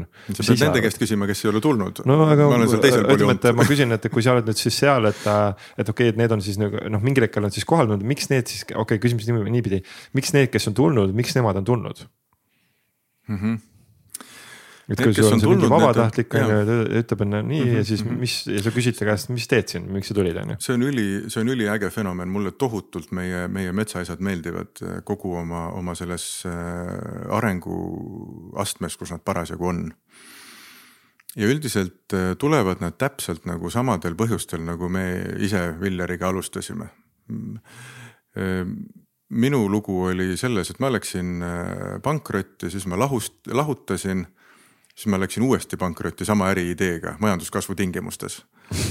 et, ähm, et no ikka nagu elu ei, äh, andis nagu. siis kõik... sul on veidi, veidi pekki läinud mõned asjad miks veidi ikka täitsa pekki, et, et, et et, äh, et kui sa ei loe neid nagu suuri silte, et ära sõida sinna suunda siis sa ikkagi nagu ja ikka sõidad edasi, noh siis ongi, mina ikkagi käisin ära depressiooniraja ja, ja ja, ja see klapindus nagu kuskil seal samal ajal ka algas. Ehk et ehk et ta oli täitsa nagu selline teraapia vorm mingis mõttes see, see metsa minemine laste käest, no lapsed toovad sulle alati midagi uut, sa oled kolm päeva nagu täiesti, fookus on nagu täiesti mujal, on ju, see on nagu. see hetkel ei saa, ei ole aega oma murede peale mõelda. üldse mitte, lihtsalt oht on muidugi selles, et grupp hakkab sulle peegeldama seda, mida sa ise parasjagu oled. Mm.. et kui sa oled kurb, siis on kurb grupp ka, aga noh, kui sa vähegi suudad nagu rõõmsaks ennast teha, siis on rõõmus grupp ka ja kummalisel kombel ja see on jumala tõsi, see on psühholoogias ka teada. üleminek on selle käitumise üleminek on selle nimetus. ja et grupp kannab sulle soovkäitumist üle ja sina kannad neile soovkäitumist üle ja siis omakorda grupp kannab veel ühe korra üle, no ühesõnaga ärme sinna lähe, aga et, et need mehed, kes on tulnud, on, on samamoodi äh, eluotsingul noh, nagu keskea see või, või nüüd juba ka siis mitte ainult keskealised mehed, vaid ka või ma ei tea, kus see keskiga meil täna on üldse, neli, kui vanaks Eesti mees elab, tervelt elatud eluiga oli vist viiskümmend kolm aastat või? no et... mina, ma olen praegu nelikümmend kaks ja ma, ma, ma pean ikkagi ennast nooreks veel, nii et selles mõttes okay,, et okay. mul ei ole veel tunnet, et ma keskikaga. ma jäin mõtlema, et kui on tervelt elatud eluiga on viiskümmend kolm, siis keskealine peaks olema ju kakskümmend viis umbes või? No ma ei tea, nagu ma ei ole nõus olgu et.... ma ei tea, sina ei tundu ka mulle keskealine, sa tundud nagu selline, et noh, et sa hakkad nagu hoogu üles saama nagu praegu. ja ma, ma ilmselt hakkangi jah, sest et ma olen nüüd kõik valed asjad olen ära teinud ja viimased viimased, äh, mis ma siis ütlen, et seitse aastat talve, seitse talve, seitsmes talv metsa. ja nendest esimesed kolm-neli on olnud nagu selline enesega toimetulemise aeg, eks, et et, et praegu olengi. okei okay,, ehk siis äh, minemas. tegelikult on nagu see, mis praegu siit kõlama jääb, on see, et, äh, et noh, meestel on ikka nagu see mingis mõttes, et no ma pean ikkagi olema valmis, ma pean ikkagi olema, noh, ma pean ikkagi endaga ennem ikkagi palju tööd tegema ja ma pean. pean ikkagi olema siis selline, pean, pean ise olema nii-öelda selle, see oma ettekujutustes ettekujutatav selline ideaalne eeskuju, enne kui ma võin üldse nagu midagi teha, on ju, et ehk siis. noh, see on meil kõigis eluvaldkondades tegelikult tihtipeale see takistav asi, mis takistab meil midagi tegemist, et. ja kummalisel kombel mehed on ka, kui ma olen nagu nagu noh, niimoodi üks-ühele kutsunud, et kuule, et sa sobiks ja tule ja, ja mõned ju teavad ka, mida me teeme. siis nad on löönud põnnama selle ees, et ma ei tea sellest asjast midagi. sest kuule, sa ei peagi midagi teadma, sa lihtsalt tule vaata, mis toimub. aga kuidagi äh, mm, noh, me oleme selles mõttes ka ikka arenenud nagu üsna julgelt kaugele, et me seal räägime tunnetest ja no palju Eesti mehel nagu, kui sa hakkad rääkima tunnetest, noh siis ongi kaks tunnet, üks on see täitsa pekkis, mida me siin teeme, on ju. ja, ja teine on päris okei okay. et aga, aga, aga. ja, ja siis seal vahel noh, selline natukene hallikam ja natukene valgem.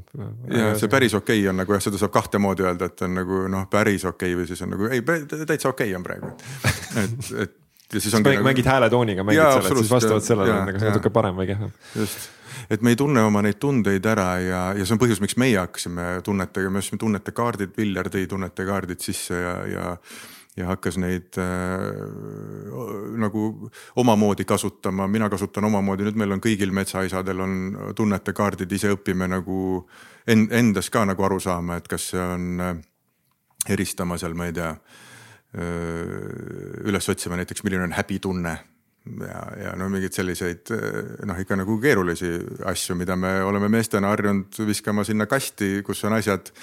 see ei loe. Varios. ja see ei loe see ei loe. et ja, ja siis sõidame nagu täiskiirusel edasi, aga tunded on meil ju vajalikud sellepärast, et tunded annavad teada meie vajadustest ja, ja kui sa ei tea oma vajadustest, siis sa nagu sõidadki noh, nagu minagi ikka mitu korda vastu seina, enne kui sa saad aru, et ei, et see on ikka nagu täiesti vale suund, eks. Mm.. nii et ja need mehed jah, kes meil on kambas, need, neile on tähtis äh, esitada küsimusi, miks nii on, kuidas ma siit edasi saan minna, mis see süsteemne vaade on, kuhu see süsteemi asetub. ja, ja kui need küsimused on olemas, nagu esoteerias öeldakse, kui sul küsimus juba on, siis vastus on juba olemas mm. -hmm. et kõige keerulisem ongi esitada õiget küsimust, et aga jah, mehed pigem kardavad tulla ja ma arvan, et või kui nagu tunnetuslikult öelda, siis, siis see hirm on ikkagi selles, et ma pean enda sees hakkama tegelema nende teemadega, mis on mulle haiget teinud ja ma olen õppinud neid vältima.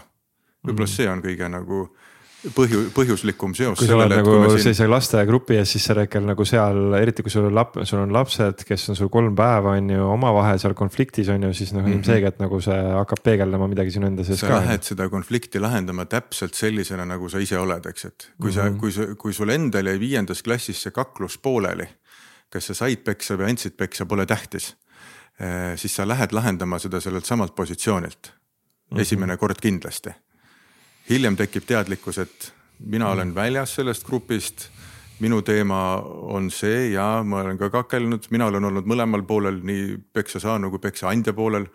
Ehm, ma suudan selle nagu äh, arusaadavaks teha, hinnata olukorra ohtlikkuse vaadata, mis on see lugu seal taga, hakata seda lugu lahendama, meil on seal mingid metoodikad, mida me kasutame, üks on taastav õigus näiteks mis on, me kasutasime taastavat õigust juba enne, siis ma käisin koolitusel ja sain teada, et näed, me kasutamegi midagi sellist, on ju. Mhm. et, ähm, et sa lähed lahendama konflikte selle pealt, mis sa ise parasjagu oled. ja kui sa nüüd tõstad sellesama asja näiteks mehe pereelusse, siis, äh, siis me lähme ju perekonflikte tihti mehena nagu, meie teadlikkus on ju kustkohast, meie vanemad, meie isa, ema, noh, heal juhul vanaisad noh, ja mis on veel meie eeskujud, isa sõber ehm, ja midagi sellist, siis sa lähed neid perekonflikte lahendama ju samamoodi, kui sa ei ole ühtegi küsimust esitanud, raamatut lugenud, kuulanud mingisugust lisateadmist. siis sa lähed seda lahendama nii, nagu seda lahendati viiskümmend aastat tagasi, aga mm. nagu me räägime, siis äh, aeg on viiekümne aastaga läinud. veidi muutunud. noh, ikka nii nagu hüppeliselt edasi, et äh, et need toonased teadmised lihtsalt ei toimi täna enam. ja me olemegi ilmselt äh, väga tugevalt selline ülemineku põlvkond, kus meil ongi nagu üks jalg on mingis, mingis jah, jah kommunistlikus äh, sõjajärgses äh, keerulises autokra-, autoritaarses ühiskonnas ja, ja teisel pool on siis nagu vabadustunded kõik selline. kas te üritate nende kahe vahel siis seda nagu ühenduslüli seal kuidagi nagu luua või kuidagi selle vahel? aga mida siis ütleksid nendele, nendele meestele, kellel on nagu täpselt seesama üleval, mis sa siin räägid, on ju, et ongi see hirm, et no mis siis, kui ta toob mul mingeid asju üles, miks, miks võiks, ehk siis miks võiks seda ikka valida, et miks siis ikkagi, miks see on nagu väärt seda miks on väärt nende asjade otsa, meestel peab olema mingi loogika, neil peab olema mingi taipamine või mingi arusaam, et okei okay,, et noh, hea küll, et ma panen ennast siia sellesse mingisse olukorda praegu. no aga mis ma siis sellest saan siis on, mis ma siis saan sellest, et ma nüüd lähen siis sellest olukorrast läbi, mis siis ma siis saan, et ma ja, nüüd, nüüd ma lahendan seda konflikti siin, mis ma, mul endal jäi viiendas klassis lahendamata on ju, et nagu mis see mulle annab siis. ja et mis ma siis saan, see on, see on äh, turumajanduslik lähenemine, kus ja. me oleme siin nagu marineerinud ennast äh, viimased äh, kolmkümmend aastat, et, et äh, Jüri Aarma, vabandust, Gunnar Aarma äh, ütles alati seda, et, et turumajanduses ongi nagu üks küsimus ainult, et kui ma midagi teen, mis ma selle eest saan. Mm. -hmm tema vaates oli maailmapilt laiem, on küsimus, et kes ma olen, kust ma tulen ja kuhu ma lähen. Mm.. Mm -hmm ma olen, kust ma tulen ja kuhu ma lähen. ja see on hästi tavaline budistlik vaade, eks, et, et see pilt on suurem, jälle küsimus on see, et kust midagi algab ja miski ei lõpe päriselt, eks, et, et kõik on kogu aeg olemas, me oleme siin vahepeal. ja nüüd mehena, et mis ma siis sellest saan ma küsiks pigem niimoodi, et kas, et ilmselt puudub vähimgi ettekujutus, mida sa ei ole üldse saanud oma elus, kui sa ei ole nende teemadega julgenud tegeleda et. mul tuli ka vist mingi, mingi seoses, see oli vist sama seos mingi tekkis ka korraks, et ta tegelikult vist ei oska, ega seda ei oskagi ette öelda või ette aimata, mis sealt tulla võib hakka võtma. psühholoogias äh, me teame, et, et see hääl, kuidas meie vanemad meiega või ka õpetajad meiega räägivad, siis äh, nii sama hääl räägib meiega elu lõpuni mingites olukordades äh, isa hääl ütleb, et kuule, ei jäta oma jalanõusud sinna niimoodi või ema ütleb, et et köögis ikkagi tuleb puhtust hoida, mingid siuksed laused. ja kui sa võtad äh, näiteks, äh, mis sa võtad, meie võtame, me oleme kuulnud näiteks sellist äh, maailma ühte kohutavamat lauset käisime rongiga ju alguses neid matkasid tegemas ja siis õpetajad tulid saatma, klassijuhataja tuli saatma seda klassi sinna matkale ja siis ta ütles sellise lause, et noh, ta nagu põdes tohutult, et lapsed lähevad kuskile nagu noh, sihuke noh, nagu Siberisse mõneks ajaks on ju, et, et. pane rongi peale ka. ja nüüd rongi peale ka, et, et ei kui ja, ja ma arvan, et antropoloogiliselt see hirm võib seal sees nagu. täiega võib-olla, et ehk siis mingit loogikat seal tõenäoliselt ei ole, on ju, aga nagu selles mõttes ongi nagu, et näe, ma, ma panin siin oma lapsed, kelle eest mina vastutan, on ju, panen need siin praegu rongi peale, karvaste, meestega kuskile talvi, talvisesse metsa on ju. kujutan ette nagu, mida see võib alateadvuses käivitada. just ja siis ta ütleb äh, oma siiras äh, si siiruses ütleb ta sellise lause kaasa, et tüdrukud, katsuge siis kuidagi hakkama saada, vaadake poiste järgi ja palun ärge mulle väga palju häbi tehke oh,. Wow. jah, ja siis, kui sa nüüd zoom'id sellesse lausesse sisse, mida kõike seal nagu nüüd öeldi, et et äh, tüdrukud äh, on. hoolitsege poiste eest. hoolitsege poiste eest, olete poistest kõrgemad, poisid nagunii ei saa hakkama, on ju. Mhm. siis, et äh, Äh, ärge mulle häbi tehke, mida see tähendab nagu. Äh, kõige lihtsam on siis nagu üldse mitte midagi teha, sest et kuna sa ei tea, mida see tähendab, siis sa lihtsalt ei teegi mitte midagi. või siis, kui sa midagi teed, siis sul on kogu aeg hirm, et äkki see teeb õpetajale häbi kuidagi mm. -hmm. üritad kramplikult mingisugustest koolis toimivatest reeglitest kinni hoida, aga seal metsas grupiga noh, need ei tööta, needsamad reeglid mm. -hmm aga nüüd lähme tagasi sinna, sinna algusesse, et mehena äh, me oleme neid lauseid saanud. ma olen mingitel koolitustel ka küsinud meeste käest, et tuletage meelde neid lauseid, mis, mis teile on öeldud. ja me paratamatult äh, ikkagi programmeerime ennast natuke selle järgi. ja nüüd, kui sa tuled metsaisana metsa ja vaatad seda viiendat-kuuendat klassi seal nagu otsast lõpuni, mida nad teevad, see tõmbab sul endas nagu kõik need pildid käima, mis sul valesti on läinud või, või ütlemata on jäänud. sa samastud selle grupiga väga selgelt. ja kui sa nüüd lähed nende teemadega tegelema, mis on sind äh, lapsest saati, sa oled nad nagu ära pakkinud, sest nendega ei ole olnud võimalik toime tulla.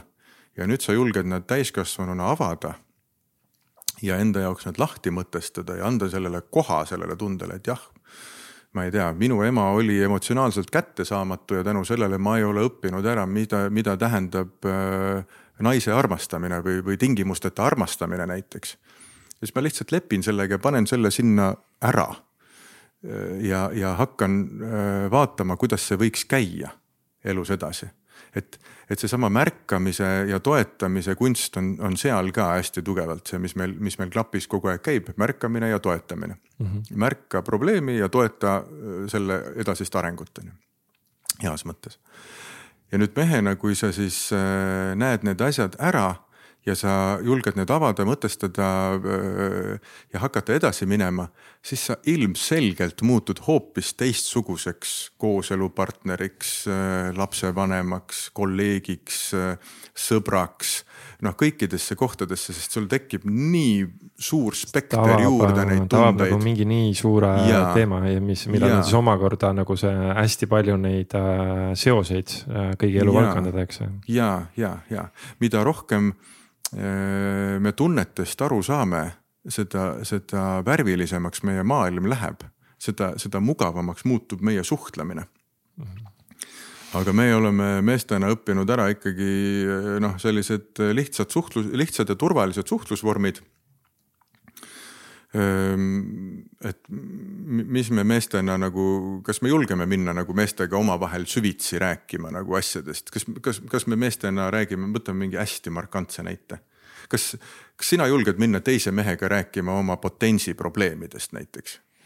No ma olen piisavalt palju tänase, ma ei ole selles mõttes nagu klassikaline näide sulle, et ma olen viimased äh, mingi viis-kuus aastat käinud erinevates meesteringides ja seal on mm -hmm. tõesti nagu kõik teemad olnud seinast seina mm -hmm. iseenda kohta, naiste kohta, suhete kohta.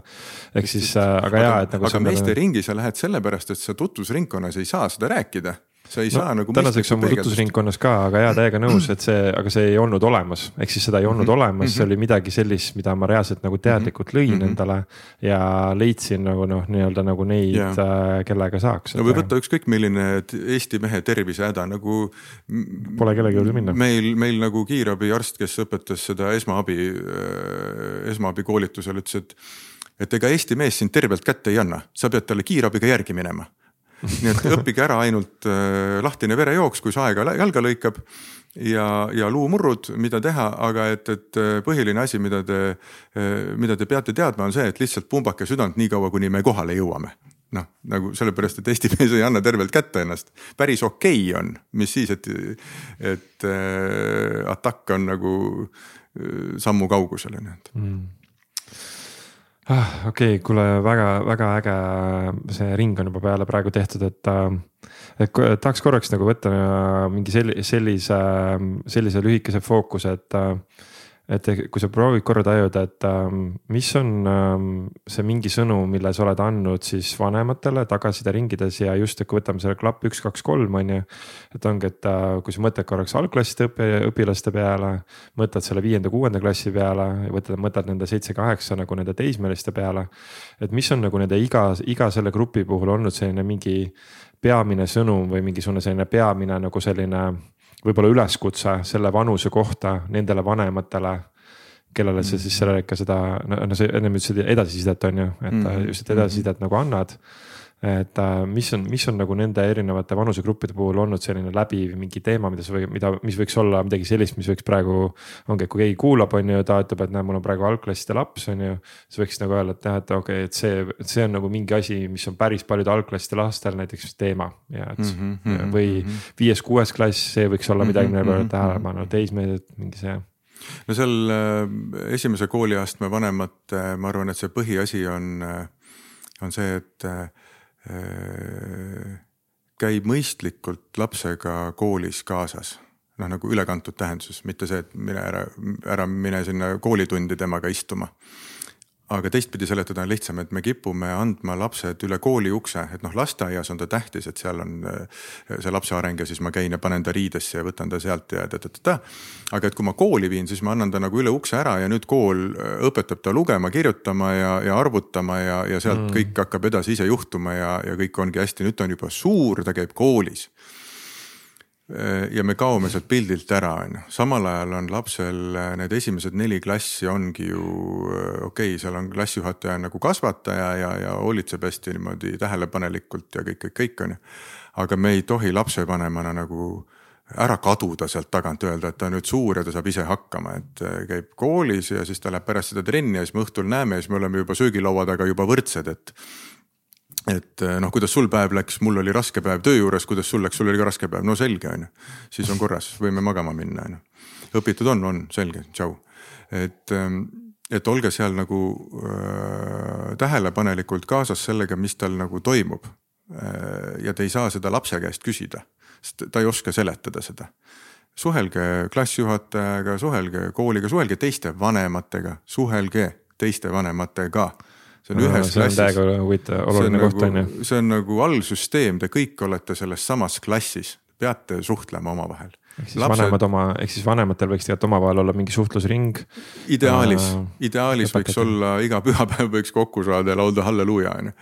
et äh, või, või lihtsamad asjad, tüdrukute grupi vanemad, kutsuge need tüdrukud enda juurde, tehke pannkoogi hommikuid, poisid. Äh, samamoodi, ma ei tea, tehke pannkoogi hommikuid, käige metsas, tehke linna orienteerumist ärge minge kinno ärge minge ähm, kuskile spaasse, seal ei toimu suhtlust, seal ei toimu midagi, see on nagu, see on sulle endale mugav koht või, või kui sa mm, kinno mm, lähed. see, et nagu sa lähed sinna kohale ja siis sa jällegi vaata, sa annad justkui selle vastutuse ära.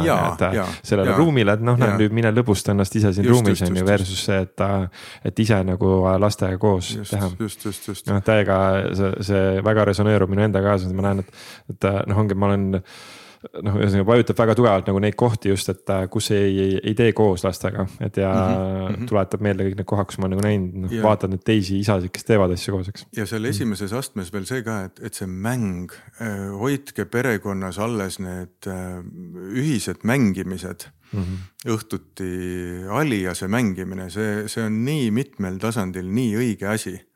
lapsed ei oska seletada asju enam sest noh, me suhtleme pöialdega või noh, nemad suhtlevad pöialdega äh, mm. emotikonides. ja, ja kui neil on vaja midagi kirjeldada näiteks või võtta näiteks, võrdle näiteks äh, laulusõnu, mis olid kolmkümmend aastat tagasi ja mis on praegu. et, et kui primitiivseks nagu läheb järjest on ju, primitiivsemaks. Et sellised mängud aitavad seda, igasugused, need ei pea olema keerulised mingid asjad, lihtsalt seltskondlik koos viibimine, koos tegutsemine, telefonid ära. ja see on sul nagu lapsevanemana viimane aeg teha need rutiinid, kus perekond päriselt koos suhtleb ilma telefonideta ja ei räägita logistikast, vaid nagu päriselt mängitakse koos, ollakse tähelepanuga koos ühe asja juures. see on -hmm. ülioluline, sest et nüüd nüüd see järgmine kooliaste, see klapp kaks, mida meie siis nimetame, see viies, kuues, seitsmes, kaheksas, no ütleme, et siis viies-kuues klass.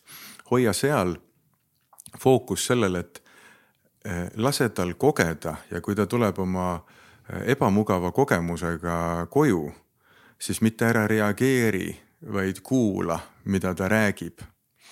me lähme kohe lahendama neid asju, on ju. Hmm. aga me ei tea üldse, milles, milles see asi on sest me lahendame enda asja tegelikult, mitte tema. siis nii kui tema midagi ütleb, siis meil endal käivitub see mingid oma seosed, me juba, me juba ja, arvame, et me teame, on ju. ja see on juba react, aga oleks vaja respond ida mm,. ehk siis respond ehk siis äh, reageerimine versus siis vastamine ja eesti keeles ei ole nagu kahte eraldi sõna konteksti järgi mm. siis, et ühe puhul sa nagu lähed selle situatsiooniga kaasa, teisel juhul sa jääd vaatlejaks, kuulad, mida ta räägib mm. -hmm. et kui rääkimine enam ei aita, siis peaks kuulama on mingi sihukene äh, äge. ja, ja hoia sidet, hoia lapsega sidet selles vanuses, et, et seesama, et kui sa esimeses kooliastmes oled nagu selle mängimise traditsiooni ja koos tegemise traditsiooni ja telefonide ära traditsiooni nagu kuidagi suutnud luua, siis seal vanuses see annab hästi palju sulle juurde, sest et siis seal mängus sees sa hakkad kuulma, mida ta nagu päriselt kuskil kardab või, või päriselt, mille üle ta rõõmustab ja see on ka esimene koht, kus sa pead hakkama aktsepteerima, et ta hakkab minema mingit oma suunda. et ta mm. ei ole sina. mul üks vene mees väga ägedalt tagasisides, et, ma rääkisin ka sellest, et noh, et te peate koos tegutsema ja siis ta ütles. no mul kõik olemas seal, suusk olemas, ratas olemas, kõik vesi, lauad, asjad, aga poiss, kurat luru, sa ei taha kuhugi minna. ta äkki tahab malet mängida või äkki tal on mingi muu huvi et äkki on. no mis kuradi male, no tüdruk mul tubli, see noor tuleb. et ähm, et äh, laske tal siis teha seda, mida ta, kus ta nagu otsib ennast, et ta peabki saama proovida ju erinevaid asju. erinevaid spordialasid, erinevaid tegevusi, erinevaid see, et julgustage proovima. ja aidake toime tulla ebaõnnega, mitte ärge, ärge võtke seda kogemust ära, vaid aidake mm. -hmm. ja seal kolmandas kooliastmes, kus me oleme see seitsmes-kaheksas noh, seal siis kõik see, mis eelnev oli, äh, võiks ideaalis äh, minna siis sinna, et, äh, et harjuge ise selle muutusega.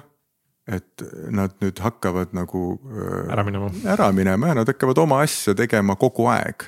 et sa enam ei, sa saad neid müksata, aga sa ei saa neid suunata nii väga enam. sa ei saa enam õpetada neid, sa ei saa enam nagu kuidagi öö, targutada või öelda mingit lauset, et, et ja, et no minu ajal oli see niimoodi, no see üldse ei aita mitte kuhugi mitte kedagi, on ju. ainult sind ennast, et sa saad ise selle olukorraga kuidagi toime, aga, aga tema ei saa mingit mhm. teadmist juurde, eks.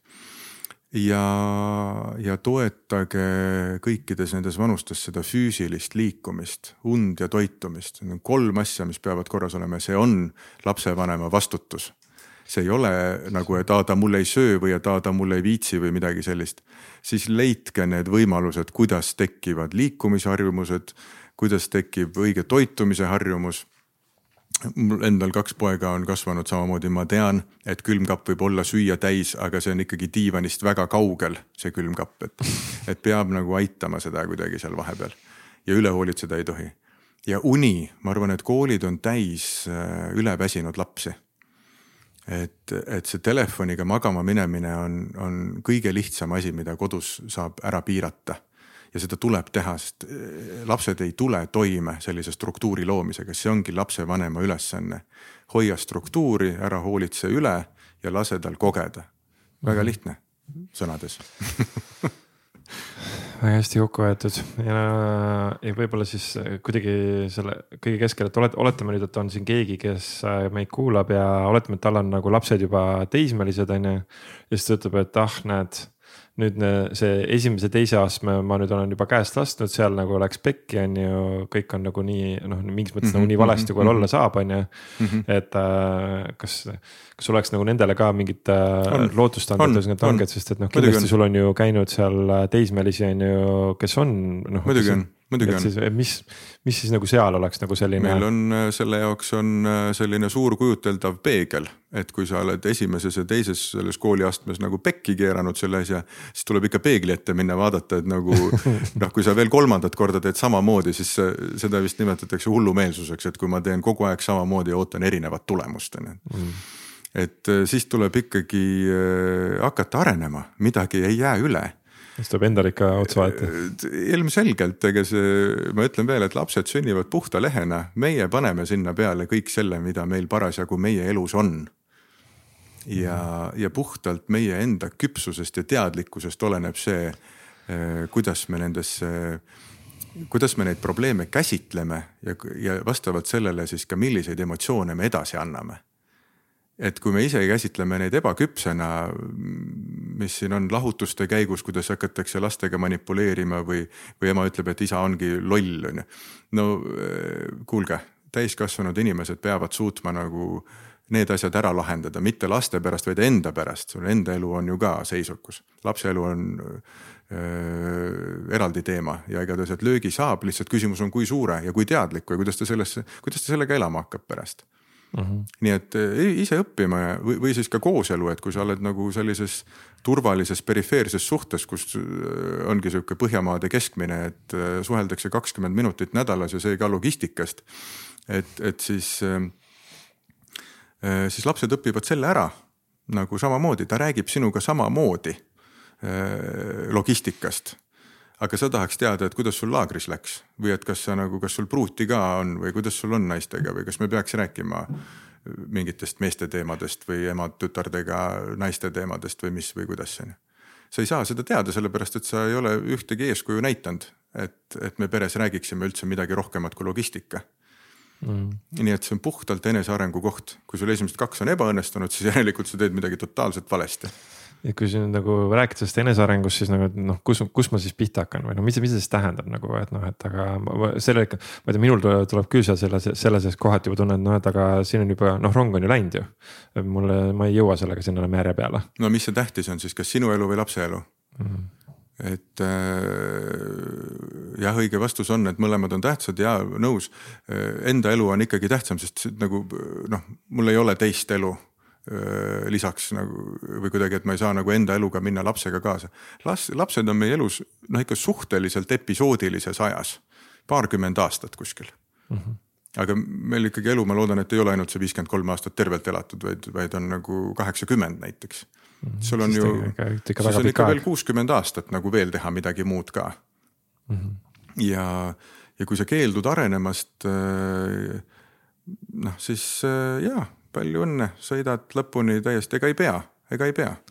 Mm, aga ei, ei maksa nagu otsida siis, et, et mul see laps on nagu selline või teistsugune, ise oled nii on.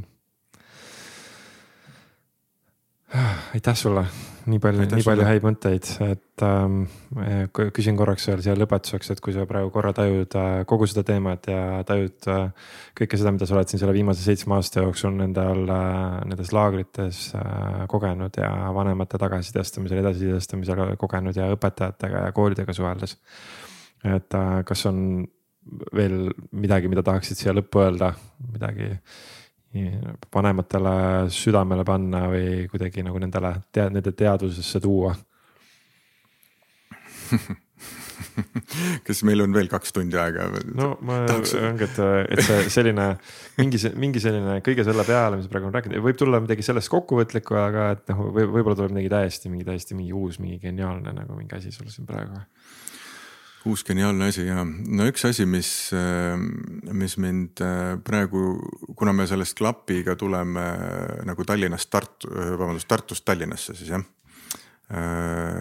Siis, siis Tallinna koolide suhtumine on noh, hästi värskendav, sest noh, Tartus meid teatakse, usaldatakse, me, me ei pea nagu hakkama sellest peale, et me oleme need mehed ja, ja siis me teeme seda ja kuidagi, et juba on, aga Tallinnas ei ole seda teadmist ilmselgelt ja, ja siis tulevad need värskendavad küsimused.